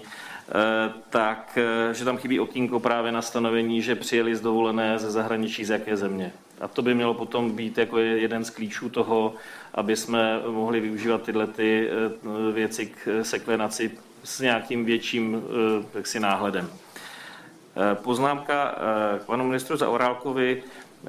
Mluvil jste o softwaru, ale já jsem software před měsícem viděl. Dokonce to bylo od jednoho vašeho kolegy a myslel jsem, že to bylo na vládě nebo z jednotlivými ministry probráno že to je univerzální software, na který by byly napojeny jednotlivé, jednotlivé uh, laboratoře, a které by podle toho, jaký test by byl pro, pro, jaksi proveden, tak by tomu dotyčnému v tom, v, v tom mobilu se ukázalo, jestli mají ochranu tři dny, nebo, nebo v úvozovkách ochranu, teda berme to s, s tímhletím tím, tři dny nebo sedm dnů a, a mohli by se tímto způsobem prokazovat, protože zvlášť u velkých akcí Eh, typu eh, kultury, tak tam, zas, než by se tam ty lidi nasoukali, tak by v zásadě byl konec té akce. Takže to je jenom, to je jenom poznámka, tak jestli o tom víte a, a myslím si, že i na ministerstvu zdravotnictví se to mělo probírat, tak nevím. A zaměřil bych se hlavně na ty děti a školu. Já jsem eh, poslouchal zástupce ministerstva školství, a e, docela jsem tak vnímal, že e, docela s takovou jako dobrou tou hovořil o té distanční výuce a i, že, že sport se nechá jako distančně vyučovat. E, víte, ono ve chvíli, když se vám, a i to vidíte, že se posílá distančně, jak si plácáte balónem o zeď a pan učitel vám za to dá trojku, tak to si nemyslím, že je úplně ideální, uh, ideální stav jako distanční výuky. To je jako jedna věc, jo, co se týká sportu. I jste tam řekl to, že vlastně ten sport, tak jako respektive ta těle, tělesná výchova, není problém. Tak e, e, myslel jsem, že byl kolega tady dopoledne přihlášen, tak já vám to zopakuju. Za e, rok, co tu mám jaksi, informace z zdravotnictví, anebo z konkrétních ambulancí, tak u dítěte na preventivní prohlídce co měsíc to jedno kilo nárůst. Mám tam i děti od za 20, že dostali 20 kilo nebo mají 20 kilo navíc za dva roky. Nárůst intoxikací alkoholem. V Dubnu během jednoho týdne jsme měli tři děti s víc jak 2,5 promily. A tady slyším jako úžasně, jak, jak teda je máme oddělený, ale oni se scházejí, oni se scházejí, vážení přátelé, tak se scházejí mimo tu školu. A nebo i doma, tak si tam ve třech udělají udělaj piknik a, a dají, si, a dají si alkohol. Za další, vzhledem k tomu, tak jak dlouho jsou držený mimo školu, tak jako pojídají i léky a zase intoxikace lékama. Z důvodu narůstání úzkosti a dalších věcí. Byl tady kolega, který přednášel o tom, že z hlediska duševního zdraví, že vlastně nárůst těch věcí těho, tohoto rázu o 50%, z 20 na 30%, na 30% celkového počtu těch, těch onemocnění. Takže jako za mě, já, když jsem slyšel ty čísla a pan profesor Dušek říká, za 14 dní budou ještě lepší, já jsem zdravotník, prošel jsem si stejným peklem jako všichni po celé České republice. Ale na druhou stranu, i s ohledem na to, co připravoval pan profesor Špičák, Eh, kdy udělal rešerši z ostatních evropských zemí. Za mě to rozvolňování škol je pomalý. Ať je to nastavený nějakým způsobem, ale jestli nedostal jsem ani otázku nebo od, na otázku z minulé odpovědi. Kdo? Prosím konkrétní jméno, kdo vymyslel rotační výuku. Fakt bych to chtěl slyšet. Protože ve chvíli, kdy v té škole jsou tři nebo čtyři první nebo druhý třídy, tak to dítě tam přijde jednou za měsíc. A je to úplně o něčem. Ano, jsou ve škole, jsou to jeden z měsíce ve škole. Jestliže ty rodiče mají dvě děti, má 6, 8, 10 let, tak v tu chvíli se ty rodiče do té školy nedostanou, protože to mají, jestli náhodou jim jde, že by ve stejný okamžik šli společně. Takže je to o tom, že rozumím tomu, a tím, že jsem pediatr, tak je nutný mít nějaký epidemiologický e, pravidla, ale musí být, musí být uskutečnitelný. Musí být vůbec v tom e, normálním životě uskutečnitelný. Protože pokud to není uskutečnitelný, tak to není provozovatelný a není to k ničemu. Tak bych chtěl odpovědět, kdo teda vymyslel rotační výuku a jestli, a to se týká, ono už to tady zaznělo, nejenom základních škol, nejenom teda středních, ale i vysokých. Odpověď z vysokých byla, že teda budou od toho května, ale fakt děti se tam musí dostat. A za mě ten experiment, který nás donutil, ten koronavirus, jasně ukázal, že distanční výuka je maximálně doplňková věc a že vždycky musí být prezenční, dlouhodobě prezenční výuka. A teď myslím to, jestli přijde jiná vlna, anebo jestli přijde jiný onemocnění. Takže děkuji. Eh, ten dotaz směřoval eh, částečně na pana ministra Arenbergera, tak ho poprosím o odpověď. Eh, tak samozřejmě to, že rotační výuka je problémem, to není jenom problém jako běžné školní výuky, ale, ale vůbec organizace. Já jsem opakovaně upozorňoval na to, že když se nepodaří třeba s několika dětmi v rodině zesynchronizovat přítomnost a nepřítomnost ve škole, Eh, takže to může být komplikované, zvlášť v těch eh, mladších věkových ročnících a proto jsme se také co nejdříve snažili, aby eh, se rotační výuka co nejdříve vrátila zpátky na běžný režim a myslím, že se nám to teďka od následující, od tohoto a příštího týdne už z větší části daří.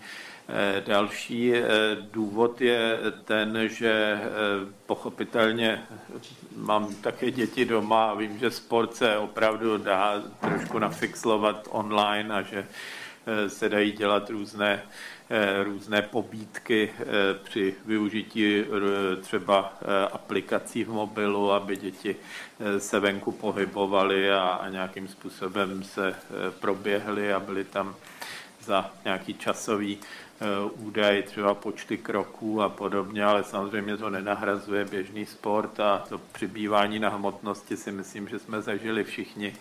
Eh, a já jen díky tomu, že jsem se stal ministrem zdravotnictví, tak se mi podařilo dostat hmotnost zase na normální váhu a jsem za to vděčen a je to, myslím, jeden z těch významných přínosů pro mne, že jsem ministr zdravotnictví.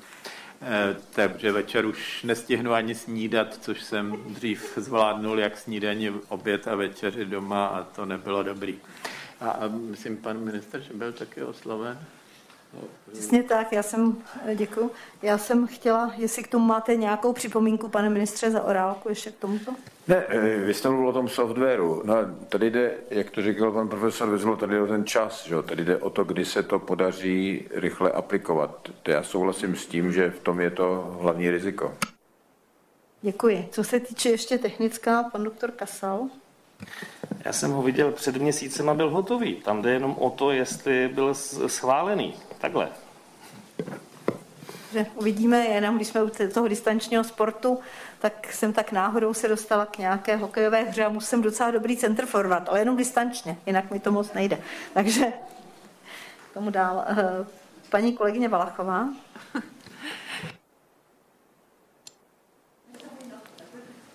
Dobrý, děkuji paní předsedkyně. Eh, já nejsem členka výboru, ale jsem místo předsedkyně školského výboru. Děkuji za možnost účastnit se eh, výboru a vystoupit. Eh, já bych využila situace přítomnosti nejenom pana ministra zdravotnictví, ale i pana ministra kultury. A chtěla bych se zeptat na osud základních uměleckých škol. Podotýkám a kolegové z ministerstva zdravotnictví to ví, že základní umělecké školy jsou součástí rodiny škol, tedy opravdu to nejsou kroužky nebo zájmové vzdělávání. Děti tam dostávají pololetní i celoroční vysvědčení, takže logicky se musí učit. A aktuálně ta situace je taková, že vlastně teprve od pondělí bude možná výuka tři na jednoho, tedy maximálně tři děti, jeden učitel. Eh, základní mladické školy s tím nejsou spokojené, já také ne. Eh, nevidím tam moc důvod, protože máme vysoce proočkované učitele a učitelky, za což samozřejmě patří ministerstvu zdravotnictví dík. A také máme samozřejmě pravidelně testovány děti, protože základní umělecké školy eh, navštěvují děti právě zase ze základních škol, kde už v tuto chvíli máme funkční testování. Takže chtěla bych se zeptat na tuto okolnost a samozřejmě tajně doufám eh, v podporu kulturní uměleckého vzdělávání i pana ministra eh, kultury. Podotýkám, že základní umělecké školy, kolegové a kolegyně, jsou v podstatě školy, které vzdělávají talentované děti a je to vlastně to tež, pokud je necháváme takřka uzavřené, jako kdybychom doposavat nechali uzavřené speciální školy. Zase děti, tedy, které jsou vzdělávány z hlediska specifických vzdělávacích potřeb, takže je to určitě špatně a chtěla bych slyšet názor obou ministrů, případně podporu, abychom posunuli i tento segment vzdělávání. No a druhá věc se týká sportu, protože se držím tématu, eh, konkrétně školního sportu a tady mám velkou starost o školy plavání. Podotýkám, zase to není nějaký Eh, eh, šprajc, eh, tady si prosazovat, že zrovna se má začít školně plavat, ale problém je v tom, že školy plavání jsou unikátní v naší zemi, protože naše děti se v rámci rámcového vzdělávacího programu povinně učí plavat. Má to samozřejmě řadu dobrých dopadů i do jejich tedy zdraví pohybu, kondice, bezpečí a je logické, že pokud nás čeká kolegové a kolegyně od září třetí školní rok a my stále nevíme, jestli už s covidem, bez covidu nebo jak to bude, eh, tak chápete, že tato výuka se nedá přesouvat do nekonečna a v tuto chvíli řadě školám plavání hrozí krach. Kompenzace tady řešit nechci, to budeme řešit někde jinde, ale zkrátka máme jistotu, pane ministře zdravotnictví, a věřím, že jste lékař eh, a ten sport podpoříte, zvlášť školní, že od září, od září opravdu budeme schopni napustit školní bazény a nevypustit je po celý školní rok, co proto uděláme. Takže to je druhá otázka. A třetí otázka jsou školy v přírodě. Eh, byla bych moc ráda, kdyby tady zazněly nějaké ty nejčerstvější informace, protože naši ředitelé škol jsou velmi nervózní, děti se zase naopak moc těší, pane ministře. Eh, a pokud byste měl čerstvé informace eh, z hlediska škol v přírodě, se naše děti se to ještě v červnu dokáží užít se svými učiteli, eh, budu moc ráda. Tak děkuji, děkuji paní ty, předsedkyně. Děkuji za ty dotazy. Školy v přírodě už to víceméně pan ministr zodpověděl, eh, že to možné bude. A poprosím tedy jako prvního pana ministra Adambergera. Tak já jenom řeknu stručnou informaci k těm dvou dotazům a pak poprosím ještě pana náměstka policera a paní hlavní hygieničku, aby mě doplnili. Z bazény samozřejmě eh, je eh, v tomto okamžiku zatím ještě riziko, ale plánujeme, aby se mohly už na letní sezónu otevřít, protože léto bez vody eh, není dobré léto a my uděláme maximum pro to i z hlediska epidemiologického, aby se to podařilo a předpokládám, že i paní hlavní hygienička mě potvrdí, tam je totiž hlavní problém v tom, že ty větší bazény musíte nejdřív napustit, pak je ohřát, pak eh, udělat kontrolu vody a tak, takže to trvá asi zhruba tři týdny, než se podaří takové zařízení zprovoznit, pokud je to uvnitř, ale budeme samozřejmě pracovat i s těmi možnostmi venkovních eh, bazénů. Jinak školy v přírodě, eh, ty budou moci být organizovány od 31. května, zase za těch definovaných podmínek, ideálně s PCR testy, ale paní hlavní hygienička mě také doplní. Dobře, děkuji. A ještě ty eh, školy, byť jsou tedy umělecké, tak ale patří pod ministerstvo školství. Takže jestli pan ředitel by tam k tomu něco řekl? Nebo krátce reagovat. Eh, paní poslankyně má pravdu. Eh, základní umělecké školy jsou klenot, myslím, našeho školství. Je to celkem výjimečná věc, že máme až pro 20 populačního ročníku možnost rozvíjet jejich talent, která ta možnost byla samozřejmě omezená teďka protože ta distance, jak zaznělo, budu reagovat i na pana poslance, abych odpověděl i jeho dotazy.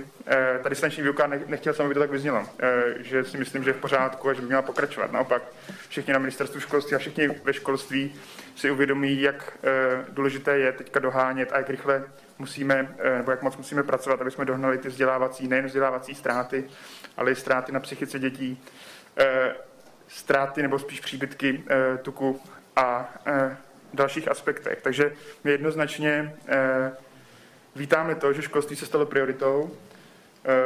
Je pravda, že se nesmí zapomínat ani na ty v uvozovkách okrajové, a okrajové oblasti, jako je základní umělecké školství, protože teď jsme byli v situaci, kdy rok a půl ten talent dětí rozvíjíme pouze na dálku.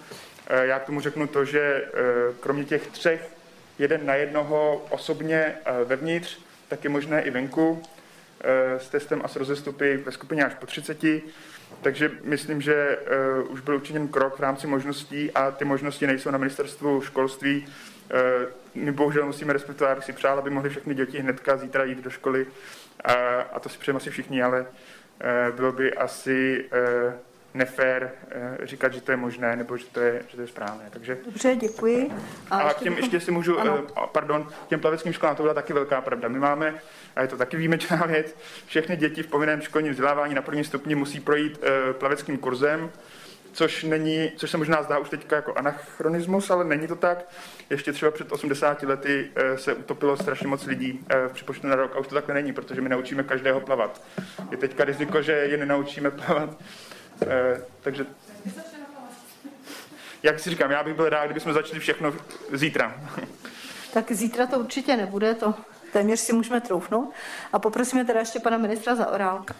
No tak základní umělecké to je opravdu spíš na ministra školství, ale po tom, co jsem slyšel profesora Duške, tak samozřejmě mohu jen slíbit, že pokud s tím ministr školství přijde, tak já to rád podpořím protože jsem také znepokojen trochu z toho omezování základních uměleckých škol v těch rámcových těch a to je pro nás věc, o které budeme určitě jednat. To není věc uvolňování, ale samozřejmě, že je to pro nás je to strašně důležité, je to propojené, takže je to eh, podpořím. Děkuji. Eh, pan kolega Benda. Děkuji. Tady si jede v takových jako krátkodobých eh, tematických, všechno je důležité, všechno je třeba otevírat, já s tím naprosto souhlasím, ale mě by zajímalo, kdy vyhlásíme konec. Eh, kdy jako, eh, no mě, ne, mě vyděsil minister, který začal říkat, že v létě budou děti střídat PCR testy nebo antigenní testy a co, co to bude mít eh, na tábory. Jsme řekli, říkalo se od začátku, že je nějaká hranice pro očkovanosti obyvatelstva, která znamená, že prohlásíme, že máme kolektivní imunitu. Přece se takhle nebudeme držet další rok, dva, tři. Něco jiného samozřejmě bude, když nám přijde nějaká další mutace, na kterou budou naše očkování k ničemu. Může se tak stát, zatím nám všichni výrobci tvrdí, že se tak nestane, a když se tak stane, no, tak pak jsme v nějaké nové situaci, situaci v podstatě nové epidemie. Ale my přece musíme v jednu chvíli říct dost. Všem už umožňujeme, abyste se naočkovali, kdo chcete. Ne každý se chce naočkovat z různých důvodů. Eh, někdo to pokládá za zbytečné, řadu obyvatelstva je prostě zbytečný očkovat. Ty děcka je fakt zbytečný očkovat. Tam jako k tomu vůbec, vůbec nevidím důvod. A chci vědět, kdy bude vyhlášena ta hranice. Tady máme dostatečný, abychom se přestali my tady v této republice. Jestli to po nás bude chtít Evropa, jestli budou mít potřebovat očkování nebo test do Španělska, protože oni nám věřit nebudou je věc ostatní států. A my tady v této republice se přestali otravovat s tím, že musíme mít test. Kdo chce být naočkovaný, naočkovaný, ten je chráněn. Kdo nechce, tak jede na své riziko. A doufám, že k tomuhle stavu někdy dospějeme. A jenom by mě zajímalo, jestli to číslo je 60%, 70%. E, a, a předpokládám, že vzhledem k tomu, jak se tváří byl optimistický, kolik máme... Já myslím, že otázka je jasná, poprosím pana ministra o odpověď. Já myslím, že to je naprosto legitimní otázka. Je pravda, že už eh, konec jsme vyhlásili dvakrát a zase se to vrátilo zpátky. Je pravda, že teďka je úplně jiná situace právě díky očkování.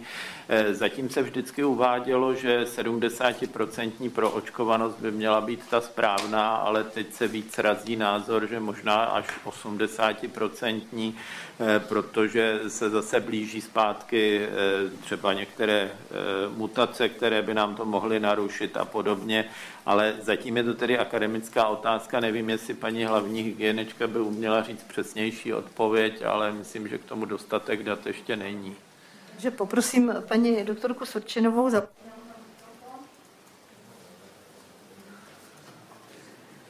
Takže my, když se díváme na data o očkování, tak předpokládáme, že v září by mělo být naočkováno alespoň těch 60, 65, možná i 70% obyvatel, což nám na kolektivní imunitu bude stačit. A my taky počítáme a navrhujeme ten systém test, onemocnění, očkování do konce září zatím maximálně. A e, to je asi k tomu kolektivní imunitě, takže září je náš takový jako cíl a my tam máme stanovený i další limit, což je pod 25 eh, onemocnění za 14 dní, ale tam už z té incidence jdeme ještě trošku níž, na 100 tisíc obyvatel, což je zhruba 12-13 onemocnění, teda za Děkuji.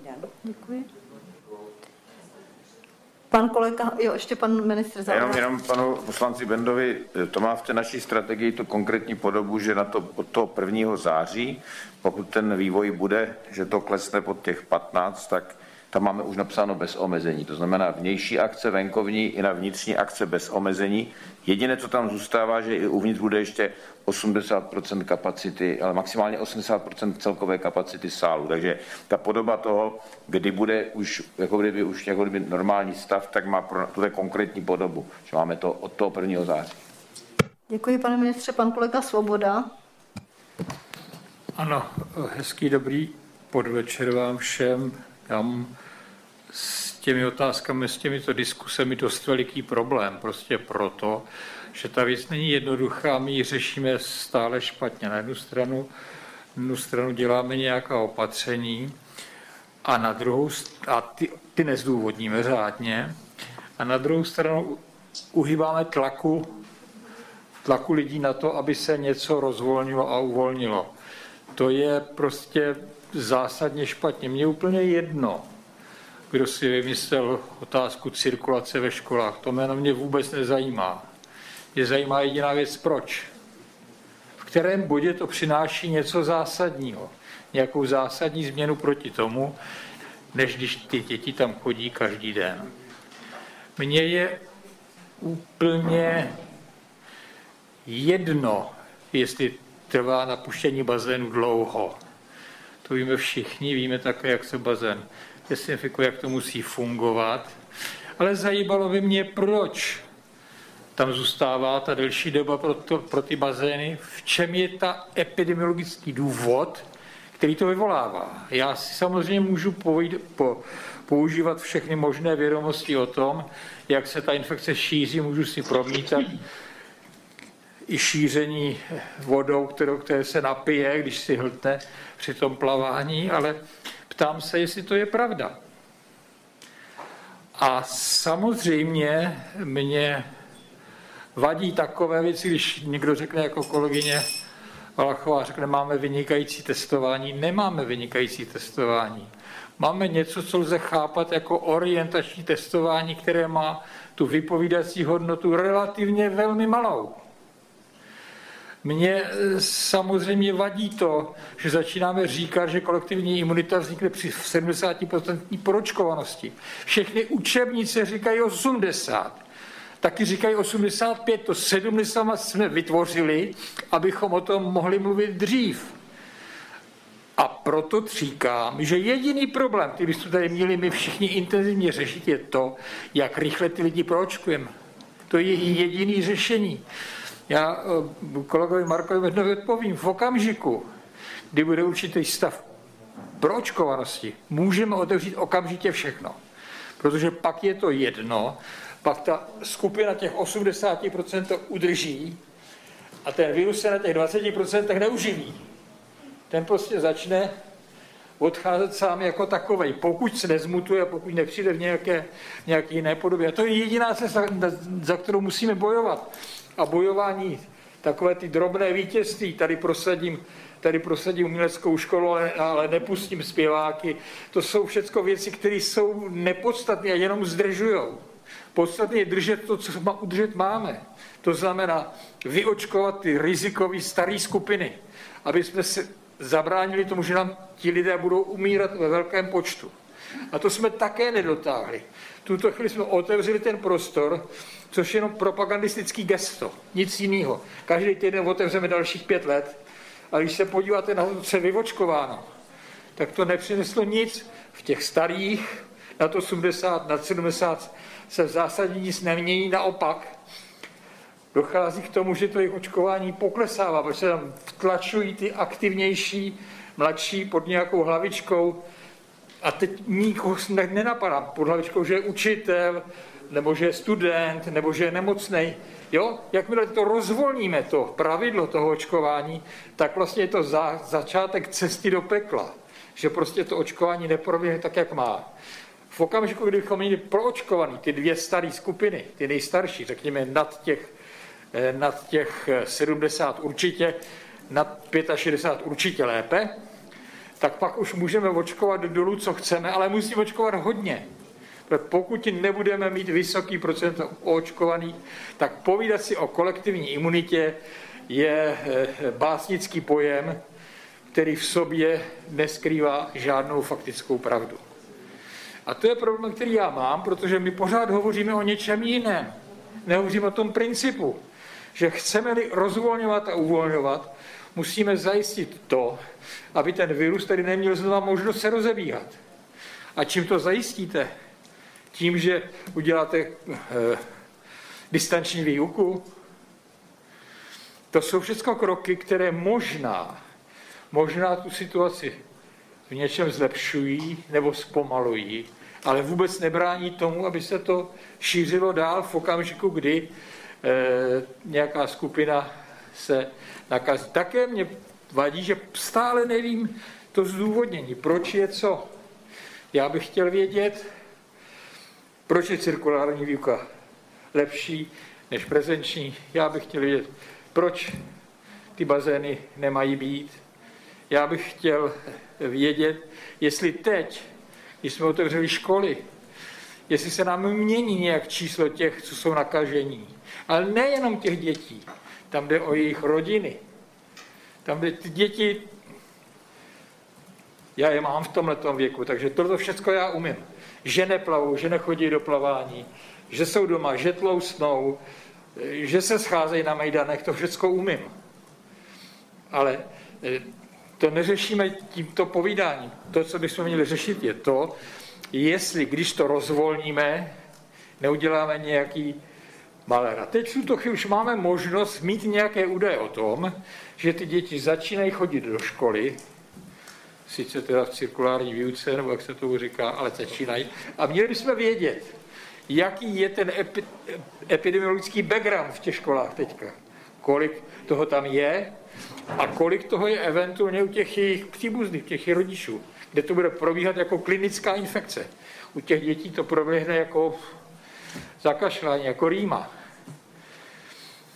Měli bychom také vědět, že když ty děti nosí roušku, což ty děti tak, což ty rodiče tak nenávidí, dětem to je úplně jedno. Děti dělají jinou věc, si mezi sebou třeba vyměňují, což je takový jako zvláštní faktor, ale jim to úplně jedno. A navíc ta rouška má tu výhodu, že tím teda u sebe pomnoží to svoji nazofaringální floru a ten koráč to vyrazí prostě, protože on není schopen se tam potom dostat, když oni mají tu svoji klasickou chronickou rouškou podpořenou infekci. Proč to neřekneme těm lidem? Proč jenom necháme říkat, aby nám vykládali, že roušky jsou špatně? Proč jsou jediné dvě věci, které máme v tuto chvíli. To je očkování, abychom očkovali co nejvíc můžeme, v co nejkratší době, v co nejkratší době. A druhou věc, kterou máme, že ty růž, roušky nějakou dobu ještě podržíme ze dvou důvodů. Jednak je to symbolický signál pro všechny, není ještě dobře, dávejme si všichni pozor. A za druhé to skutečně má svůj velmi významný efekt. Velmi významný efekt, eh, protože ve všech těch eh, číslech z celého světa se ukazuje, že v nějaké fázi šíření té epidemie každý stát ty roušky použije. Prostě proto, že to je skutečně jediná věc, která mu to přibrzdí.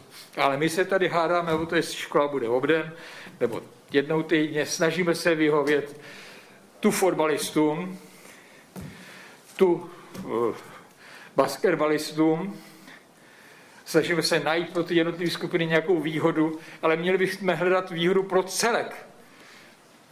A ta výhoda pro celek je vovočkuj, vovočkuj, vovočkuj a dodržuj základní pravidla. Děkuju, v okamžiku, kdy to bude, tak všechny tyto starosti umělecké školy, to všechno padne. Můžu to otevřít rovnou všechno hned. Ale musím mít podle mého mínění 80% očkovaných. Můžeme si říkat 70, ale asi to nebude fungovat. Nefungovalo to nikde, když se to dělalo. Už od těch krabských vakcinací se ví tohleto číslo. Děkuji, pane docente, a poprosím, jestli pan ministr Arenberg někoho deleguje k odpovědi nebo sám. Sám, jasně. Tak já začnu, já samozřejmě panu docentovi eh, mohu jedině sekundovat v tom, že prostě očkování je základ, pojďme udělat tečku za koronavirem, jak se říká, roušky naprosto jednoznačně také. Na druhou stranu to rozvolňování, my máme obrovskou výhodu, eh, tato naše generace ministrů zdravotnictví a ministerstva zdravotnictví, že rozvolňujeme, takže jde jenom o to vybrat tu e, správnou skupinu, která je v tom okamžiku nejméně riziková, ale ani tady se nebojím toho říct, že se prostě jede podle toho latinského pars pro to, to vybíráme určité skupiny, abychom vytvořili zase zpátky ten normální celek. Ale já myslím, že ta konkrétní čísla možná ještě si paní hlavní hygienička by nedoplnila nebo vysvětlila rotaci. Že poprosím paní doktorku Svrčinovou.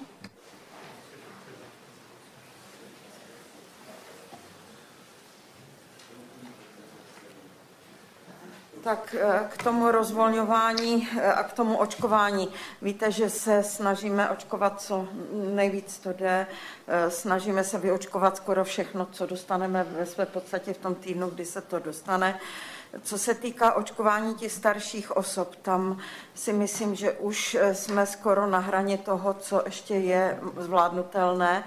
Eh, protože musíme počítat s tím, že i v této věkové skupině už máme osoby, které nejsou schopny absolvovat to očkování, jsou třeba eh, velmi těžce nemocné, mají nějaké imunodeficitní onemocnění, takže tam nám vždycky nějaká proporce těch starších osob zbyde a v současné době se dělají kroky k tomu, aby co nejvíc vakcín se dodalo i praktickým lékařům, u kterých zůstávají v eh, evidenci a mm, evidují zájemce o očkování z této věkové skupiny. Jinak k tomu rozvolňování opravdu zvažujeme každý krok. Bylo to projednáno se všemi zainteresovanými sektory školství, kultura, průmysl, úplně všichni a snažíme se, aby opravdu se nám nerozhodila ta epidemická situace a opravdu jsme co nejdřív dosáhli té hladiny pro očkovanosti tak, jak je žádoucí. Eh, my samozřejmě počítáme v České republice vzhledem k tomu, jak tady vypadala epidemická situace, i s tím, že spousta eh, obyvatel počítáme, že jestliže máme vykázáno zhruba 1,5 milionu onemocnění, tak minimálně jednou tolik osob eh, prodělalo onemocnění, buď inaparentně, nebo měli jenom eh, lehké příznaky, případně nevyhledali pomoc lékaře a léčili se sami. Takže i ty počítáme k těm, kteří nám pomůžou eh, v tom, že se ta nemoc nebude tolik šířit. Děkuji vám, paní doktorko. Další do diskuze pan doktor Kasal. Děkuji za slovo, paní předsedkyně. Já jednak mám dotaz, jednak které budu reagovat na váženého kolega, kolegu pan, pana docenta Svobody. E, co se týká potom rozvolnění těch škol, tak e, to, co ráno tady bylo v rámci toho semináře, tak tam žádný nárůst u školáků Eh, nebyl, nebo byl v zásadě minimální. A odpovídá to i tomu, co zase tady zaznělo na tom, že před 14 nebylo řečeno, že bylo 2 miliony testů a z toho bylo zhruba 1500 pozitivních a teď by to mělo být nižší. Takže eh, bavme se potom o číslech a z toho bude i teda můj následující dotaz. Jednak k testování, protože eh, my bychom se, a to navazuju zase na pana kolegu Bendu, Eh, jestliže něco přišlo, tak něco odchází a měli bychom se taky už dopředu bavit o tom, kdy skončí například plošné testování. Já s tím mám dlouhodobě problém.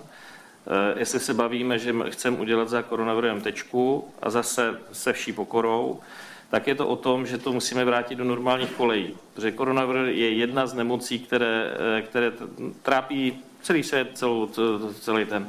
Takže je to o tom, že my jsme opakovaně hovořili, že by se to mělo vrátit do těch mezí tam, kde to má být. Samozřejmě k tomu přispěje to pro očkování. Na druhou stranu, když si řekneme 80% populace, že bude očkovaných, tak eh, to je v zásadě celá, celá dospělá, protože se neočkuje do 16 a to je nějakých 1,6 milionů a to je skoro 20% populace. Takže jako e, musíme si teda říct, jako, kdo bude proočkován, jak bude proočkován, jestli teda budeme očkovat e, to, co už je schválený i v zahraničí děti od 12, nebo nebudeme, aby jsme se na to připravili. A tam bych byl velmi rád, aby se to e, organizovalo přes praktické lékaře pro děti a dorost. A k tomu zní teda ten dotaz. Jednak, kdy z hlediska těch čísel, protože se bavíme teď o jednoznačně jiných e, parametrech 100, 75, 50 na 100 tisíc, by se mělo uvažovat podle vás s ukončením plošného testování a přešlo by to opravdu do ruk lékaře, aby to bylo testováno tak, když to bude potřeba. A za druhé, co se týká očkování, ano, rád slyším, že se dostává do rukou praktických lékařů, protože část těch lidí opravdu nechce do očkovacích center. A navíc, jestliže dojde k tomu uvolnění, o kterém říkáte, pro kulturu a další, tak ty centra najednou vám budou mizet. Protože se tam vrátí kulturní program, vrátí se tam sportovní program, vrátí se tam další věci a proto je potřeba i tohleto dopředu promýšlet. To je třeba otázka dvou, tří měsíců že to gro přejde opravdu na ty praktiky a takovým způsobem to zařídit. Takže eh, to je, to je, co se týká toho očkování, že tam to velmi podporuje, aby se to přeneslo na ty praktiky. Čili jestli se uvažuje o očkování dětí a eh, ohledně toho testování. Děkuji. Takže děkuji za dotaz a poprosím pana ministra. Eh, jakmile bude schváleno státním ústavem pro kontrolu léčiv a týká se to asi zřejmě primárně Pfizer-BioNTech, kde už proběhly klinické studie i na dětech mezi 12. a 16. rokem, eh, tak určitě budeme to nabízet i této eh, věkové skupině a samozřejmě budeme velmi rádi, když to bude u praktických lékařů pro děti a dorost. Eh, protože, jak jste správně říkal, tak eh, ta velká očkovací centra pochopitelně budou s postupujícím létem eh, asi zavírat, tam se ještě doočkují druhé dávky, zřejmě z června, čili ten přesah do července tam ještě nějaký bude, ale pak se bude postupně ta činnost utlumovat, aby se dali využít pro sport nebo kulturu, prostě pro to, na co jsou určeny. Eh, co se týče plošného testování, my jsme kvůli plánování jsme eh, i v, po dohodě s epidemiology eh, určili termín pro plošné testování jak v podnicích, tak ve školách do konce června.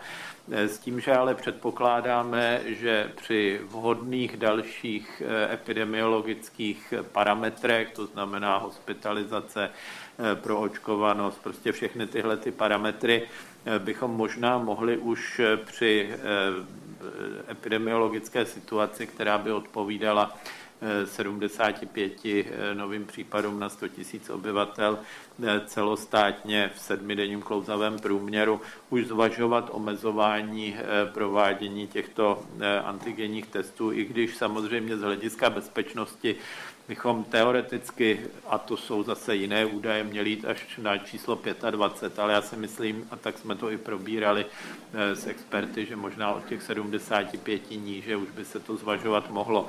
Na druhou stranu tyhle ty testy budeme mít připraveny eh, třeba pro návrat dětí do škol v září, pokud nějaké zbydou, protože tam se dá očekávat, že se zase můžou něco během těch prázdnin přivést eh, od někud, ať už ze zahraničí nebo z domova, takže bychom udělali takové plošné přetestování na eh, začátku září, ale to je zatím spíš jenom jako pracovní verze. Já neříkám, že to je naplánováno, ale jenom jsem chtěl říct tady zdravotnímu výboru, co je v diskuzi a i třeba společně zvážit to, jestli tímto směrem jít nebo ne. Na druhou stranu jsem moc rád, že i třeba Moderna se teďka dostane eh, přímo k praktickým lékařům. Dnes, eh, vlastně včera večer v 10 jsem podepsal smlouvu, která byla uzavřena mezi všemi pojišťovnami a eh, distributorem, eh, kteří eh, budou mít rozšířen počet těch distribučních míst nějakých několika stovek na ty tisíce ordinací, kam budou modernu rozvážet a prostě bude to větší množství očkovací látky, které se dostane mezi praktické lékaře, s kterými stále počítáme jako takovým tím hlavním pilířem očkování, ale pochopitelně asi při těch větších objemech budeme muset doplnit třeba centry v nemocnicích a podobně. Děkuji. Technická pan doktor Kasal. Jste mě téměř odpověděl, eh, já se přesto zeptám, eh, čili bude to jednotně celorepublikově, nebo teď se bavím o tom plošném testování, anebo to bude podle toho, protože některý kraje už v tuto chvíli eh, jsou skoro na 40, na 100 tisíc, tak jestli to bude podle kraje, nebo jestli to bude celorepublikově. Děkuji. Pana ministra poprosíme. Um Takhle jsme to zatím ještě detailně neřešili, ale určitě budeme obě varianty zvažovat. Další do diskuze je paní kolegyně Valachová. Eh, děkuji, paní předsedkyně. Já ne, nechci klát žádné další otázky, jenom chci technicky doplnit, že u základních uměleckých škol a škol plavání jde o to, že pokud je neotevřeme, tak už nebudeme mít brzy co otevřít. A to asi není úplně cíl eh, těch protiepidemiologických opatření. A jenom poprosím, protože pan ministr zdravotnictví avizoval eh, doplnění těch konkrétních věcí, kdy a tak by se tak mohlo stát z epidemiologického hlediska paní hlavní hygieničku a pana policara náměstka, jestli by mohli tyto dvě věci doplnit omlouvám se, že jsem dotěrná, ale my jako členové školského výboru jsme ministerstvem školství vždycky odkázáni na ministra zdravotnictví, že ten ovšem rozhoduje, tak jsem se dovolila na něho tady počíhat. Děkuji, paní předsedkyně. Poprosím, poprosím eh, paní hlavní hygieničku nebo pana doktora Police, paní eh, doktorka Svrčinu. Takže co se týká konkrétních termínů, eh, základní umělecké školy a podobné aktivity, které probíhají třeba pod dě, eh, domy dětí a mládeže, pod pionýrem Scoutem, půjdou do plného provozu 24. května. Co se týká plaveckých bazénů, náš plán je venkovní plavecké bazény, přírodní koupací místa 31. května a uzavřené eh, bazény a ostatní wellness procedury 14. června. Děkuji vám za to Pokud se nezhorší epidemiologická situace, of Tak zatím ten plán takhle je, nebudeme asi pokřikovat. Eh, poprosím pana profesora Válka.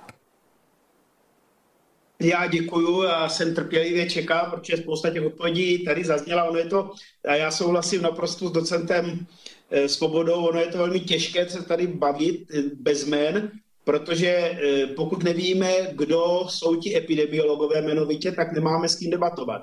Pokud nevíme, kdo jsou jmenovitě ti, co učí rotační výuku, tak taky nemáme s kým bavit, že jo? Tak pak se slyší, pak slyšíme jenom, že za to můžou epidemiologové nebo někdo, kdo vymyslel rotační výuku a nevím, kdo to byl. To, že skončí testování ve školách koncem června, to je celku logické, protože v červenci už školy nejsou, tak není kde testovat. To jako zase není takové překvapení, ale e, ta, já bych chtěl vědět, jestli se tedy počítá s tím, jak to tak poslouchám, jestli se bude testovat i v září ve školách. Protože těžko bude mě do konce července naočkovaných naočkovaných 80%, e, 70%, já nevěřím ani 60% populace, už vůbec nedospělé populace, pokud jsme teď spokojení s tím, že máme 70% naočkovaných seniorů, což z úst zástupců ministerstva opakovaně zaznělo, a tím pádem mně úplně není jasné, jak by se mohla situace v září z hlediska těch pravidel změnit, ale doufám, že se změní. Já velmi děkuji paní hlavní hygienice za tu informaci o bazénech, a velmi bych prosil o těch venkovních koupališť, nevíme se teď o školách plaveckých, ale o venkovních koupalištích, kdyby tato informace mohla být co nejdřív zveřejněna s tím plánem, protože ty obce a provozovatelé těch eh, koupališť nebo venkovních koupališť, tak musí ty bazény opravdu s dostatečným přestěhem, ty koupaliště, ne bazény, koupaliště připravit a to je pro ně často obrovská investice u těch menších až třeba 10-20% rozpočtu. E, někteří kolegové, kteří jsou starostové, tak to hodlají příští e, schůzi otevřít v poslanecké sněmovně a bylo by dobré, kdyby na to zazněla jasná odpověď, protože oni jsou v dilematu, ty zastupitelstva, když ty, když ty venkovní koupaliště otevřou, investují do toho a pak se to povolí třeba i v červenci, tak to pro ně bude ztráta, nebo v srpnu a bude to pro ně velká ztráta. Naopak, když je neotevřou a to povolení bude včas, tak to bude tak nerealizovatelné. Oni prostě eh, musí nějakým způsobem to naplánovat. Je jedno, jestli je to otevře nebo neotevře, když to zjednoduším. Ale co nejdřív by měla být nějaká informace, pokud ano, kdy, pokud ne, že ne, a ať s tím tedy nepočítají. Trošku jinou věc se psala, ptala paní poslankyně Balachová, na mě se obrací stejně tak, teď naposledy z Ústopečí, ohledně plaveckých škol. To znamená, jenom u nás máme tři školy, každá má plavecký bazén, ten nemůže provozovat a teď v podstatě se dostávají do téměř neřešitelné situace a bylo by tedy dobré, aby ty školy jednoznačně věc ohledně kompenzací, aby tedy ty bazény mohly provozovat ty školy nebo ty žáci mohli někde se učit plavat a dostali kompenzace. Velmi rád se eh, ke kolegyni Valachové připojím a eh, pomůžu v boji o podporu nějakou dotační, ale ta otázka, která by měla být rychle a nejlíp jaksi veřejně zodpovězena i třeba na tiskové konferenci, že ty školy mohou počítat na 100% s tím, že od 1. září začne plavání, že stan, začnou standardní kurzy plavání a že když nedojde k nějaké mimořádné situaci, když se to bude vyvíjet tak, jak se to vyvíjí, že od 1. září opravdu ty školy budou moct zaučit děti plavat, tak, jak na to byly zvyklé před rokem a půl nebo před dvěmi lety. Já mám dotaz ohledně toho očkování od 16 do 18 let, bylo by dobré co nejdřív zveřejnit, jestli k tomu bude potřeba souhlas rodičů nebo nebude potřeba souhlas rodičů. U těch, co jsou ve věku 16 až 18. Potom jsem se chtěl zeptat na očkování cizinců semopláců. Podle dat, které e, mám e, z ministerstva zahraničí, tak tady je zhruba 700 tisíc cizinců, kteří jsou samopláci spousta z nich, ono to týká, a to byl ten můj původní dotaz, když tam byl ještě, pokud je tam pan ministr Zaorálek, tak ho tím také zdravím, stejně jako pana ministra Arenberga, to byl ten dotaz, který se týká kultury, protože spousta našich uměleckých těles má umělce ze zahraničí. A teď je potřeba, aby se nějakým způsobem jasně řeklo, jestli se budou moc očkovat, nebudou moc očkovat, jakým způsobem, od kdy to bude možné, jestli vůbec s tím počítáme, že se tedy u nás budou moc komerčně očkovat, já nepotřebuji, já ty otázky dám písemně, ale zase bych rád, aby to bylo nejpozději do zahájení schůze zodpovězené, abych s tím nemusel pak na schůzi poslanecké sněmovně nepříjemně prudit. Já opravdu bych chtěl faktické odpovědi, které zjednoduší život těm lidem. Děkuji, pane profesore. Další dotaz, který mám, a to je poslední dotaz, se týká plánu očkování na podzim. My se teď bavíme o tom, že nevíme, jaké jsou protilátky a naprosto souhlasím s tím, co říká paní profesorka Adámková. Tady by mělo být jasné vyjádření odborné společnosti a ne politiků, kteří sice jsou odborníci v nějakých odborech, ale teď jsou politici nebo jsou ministři nebo kdo, to jsou odborné společnosti, aby dali jasné vyjádření a stáli si za ním. A tady by to mělo být jasné. Ale Stejně tak by měl být jasný plán ministerstva a já bych chtěla, aby ten plán představil pan ministr v poslanecké sněmovně co nejdřív, jak bude probíhat očkování příštím roce, respektive v prosinci. Na základě jakého zákona, kdo to očkování bude realizovat. Zda má pan minister představu, že to budou praktičtí lékaři, nebo zase ty centra, nebo kombinace a kdy začneme nakupovat vakcíny, jaký je ten plán. Ono se zdá, že je to daleko, ale není to daleko. Tak ať to nedopadne stejně, jako to dopadlo s tou první akcí. Děkuji. Takže děkuji panu profesorovi Válkovi. Já myslím, že jeho otázky byly jasné. Poprosím o e, písemné zpracování a teď jenom o rychlou odpověď, protože e, jsou to věci, které určitě potom by přišly na přetřes a je třeba, aby byly rychle zodpovězeny. E, teďka jenom krátce a jinak prosím o písemné odpovědi zaslané na výbor, aby s tím mohl dále pan profesor pracovat. Jestli o krátkou odpověď. A jinak prosím pěkně, tento bod budeme končit. Máme ještě dva velmi důležité body, takže máme tady přihlášené do diskuze ještě čtyři kolegy a pak se s tím vypořádáme. Jestli můžu poprosit, pane ministře, jenom krátkou odpověď panu profesorovi Válkovi. Ano, velice rád. Dobrý den, pane profesore, na dálku. Eh, já bych odpověděl tedy jenom na ty základní věci. Především to, co jsme řešili konkrétně dnes, bylo právě to očkování samopláců u cizinců, které budeme řešit zřejmě během příštího týdne a určitě dáme stanovisko. Vy víte, že už v současnosti se očkují stejným způsobem členové diplomatického sboru, akorát ti mají eh, očkovací látku zdarma a platí jenom tu proceduru očkovací. U samopláců to to bude komplet a vlastně ta očkovací centra, která budou vybrána, tak budou zpětně státu platit tu vakcínu, ale je to všechno v řešení a myslím si, že velice rychle se rozhodne, jakým způsobem to bude a od kdy. Jak bude plán očkování, to je v návaznosti na to, jak se vlastně v celé Evropě objednávají vakcíny a určitě vám dáme, dáme vědět písemně do příště. Děkuji, pane ministře. Paní doktorka Richtrová. Děkuji za slovo. Pane ministře, a děkuji za ty odpovědi a za to, co tady zaznělo. Já bych se ale chtěla ještě jakoby doujistit, že to je všechno jasné u těch dvou klíčových věcí. A to je, abychom skutečně si byli jistí, že, že dojde k tomu proplácení Eh, toho druhého druhu testu, eh, kdy já prostě nechci preferovat PCR testy, ale chci, aby, eh, když máme metodu, která umožní ten další interval a finančně to vyjde srovnatelně, když si řekneme, že prostě by mohl být interval 14 dní, tak abychom prostě měli jakoby tu rovnost těch dvou metod. Takže vy jste řekl, že uvažujete o proplácení a mě zajímá, jako k jakému datu se ptát znovu, jak to dopadlo, to uvažování. Takže to je proplácení PCR. Druhé téma, Eh, Děkuji za to sdělení té denní kapacity 130 eh, tisíc testů PCR. Eh, jenom z toho jako opakuju, jestli jsem se nepřeslechla, protože mi to přijde velmi důležité. Bylo to usnesení na posledním výboru, že důležitá věc. A ptám se, tady tu kapacitu při půlování ještě větší, jak jste řekl, máte domluvenou i tak, aby ji laboratoře nezmenšily, aby to bylo připravené, když tak na tu případnou, říkám případnou, ale prostě možnou mutaci na podzim? Eh, tak to je moje druhá eh, ujišťující otázka. A poslední eh, k těm hladinám protilátek, jak tady jakoby se pinká eh, ta debata, že to je prostě těžké a složité. Jste v kontaktu se světovou vědeckou komunitou v tom smyslu, že to přece řeší všude na světě. Tak mě zajímá, jakým způsobem vlastně podněcujete naši odbornou společnost, aby jsme prostě došli k tomu řešení, protože mi přijde fakt nefér tu, tu hladinu protilátek jakoby nechat vyšumět jako téma. Děkuji.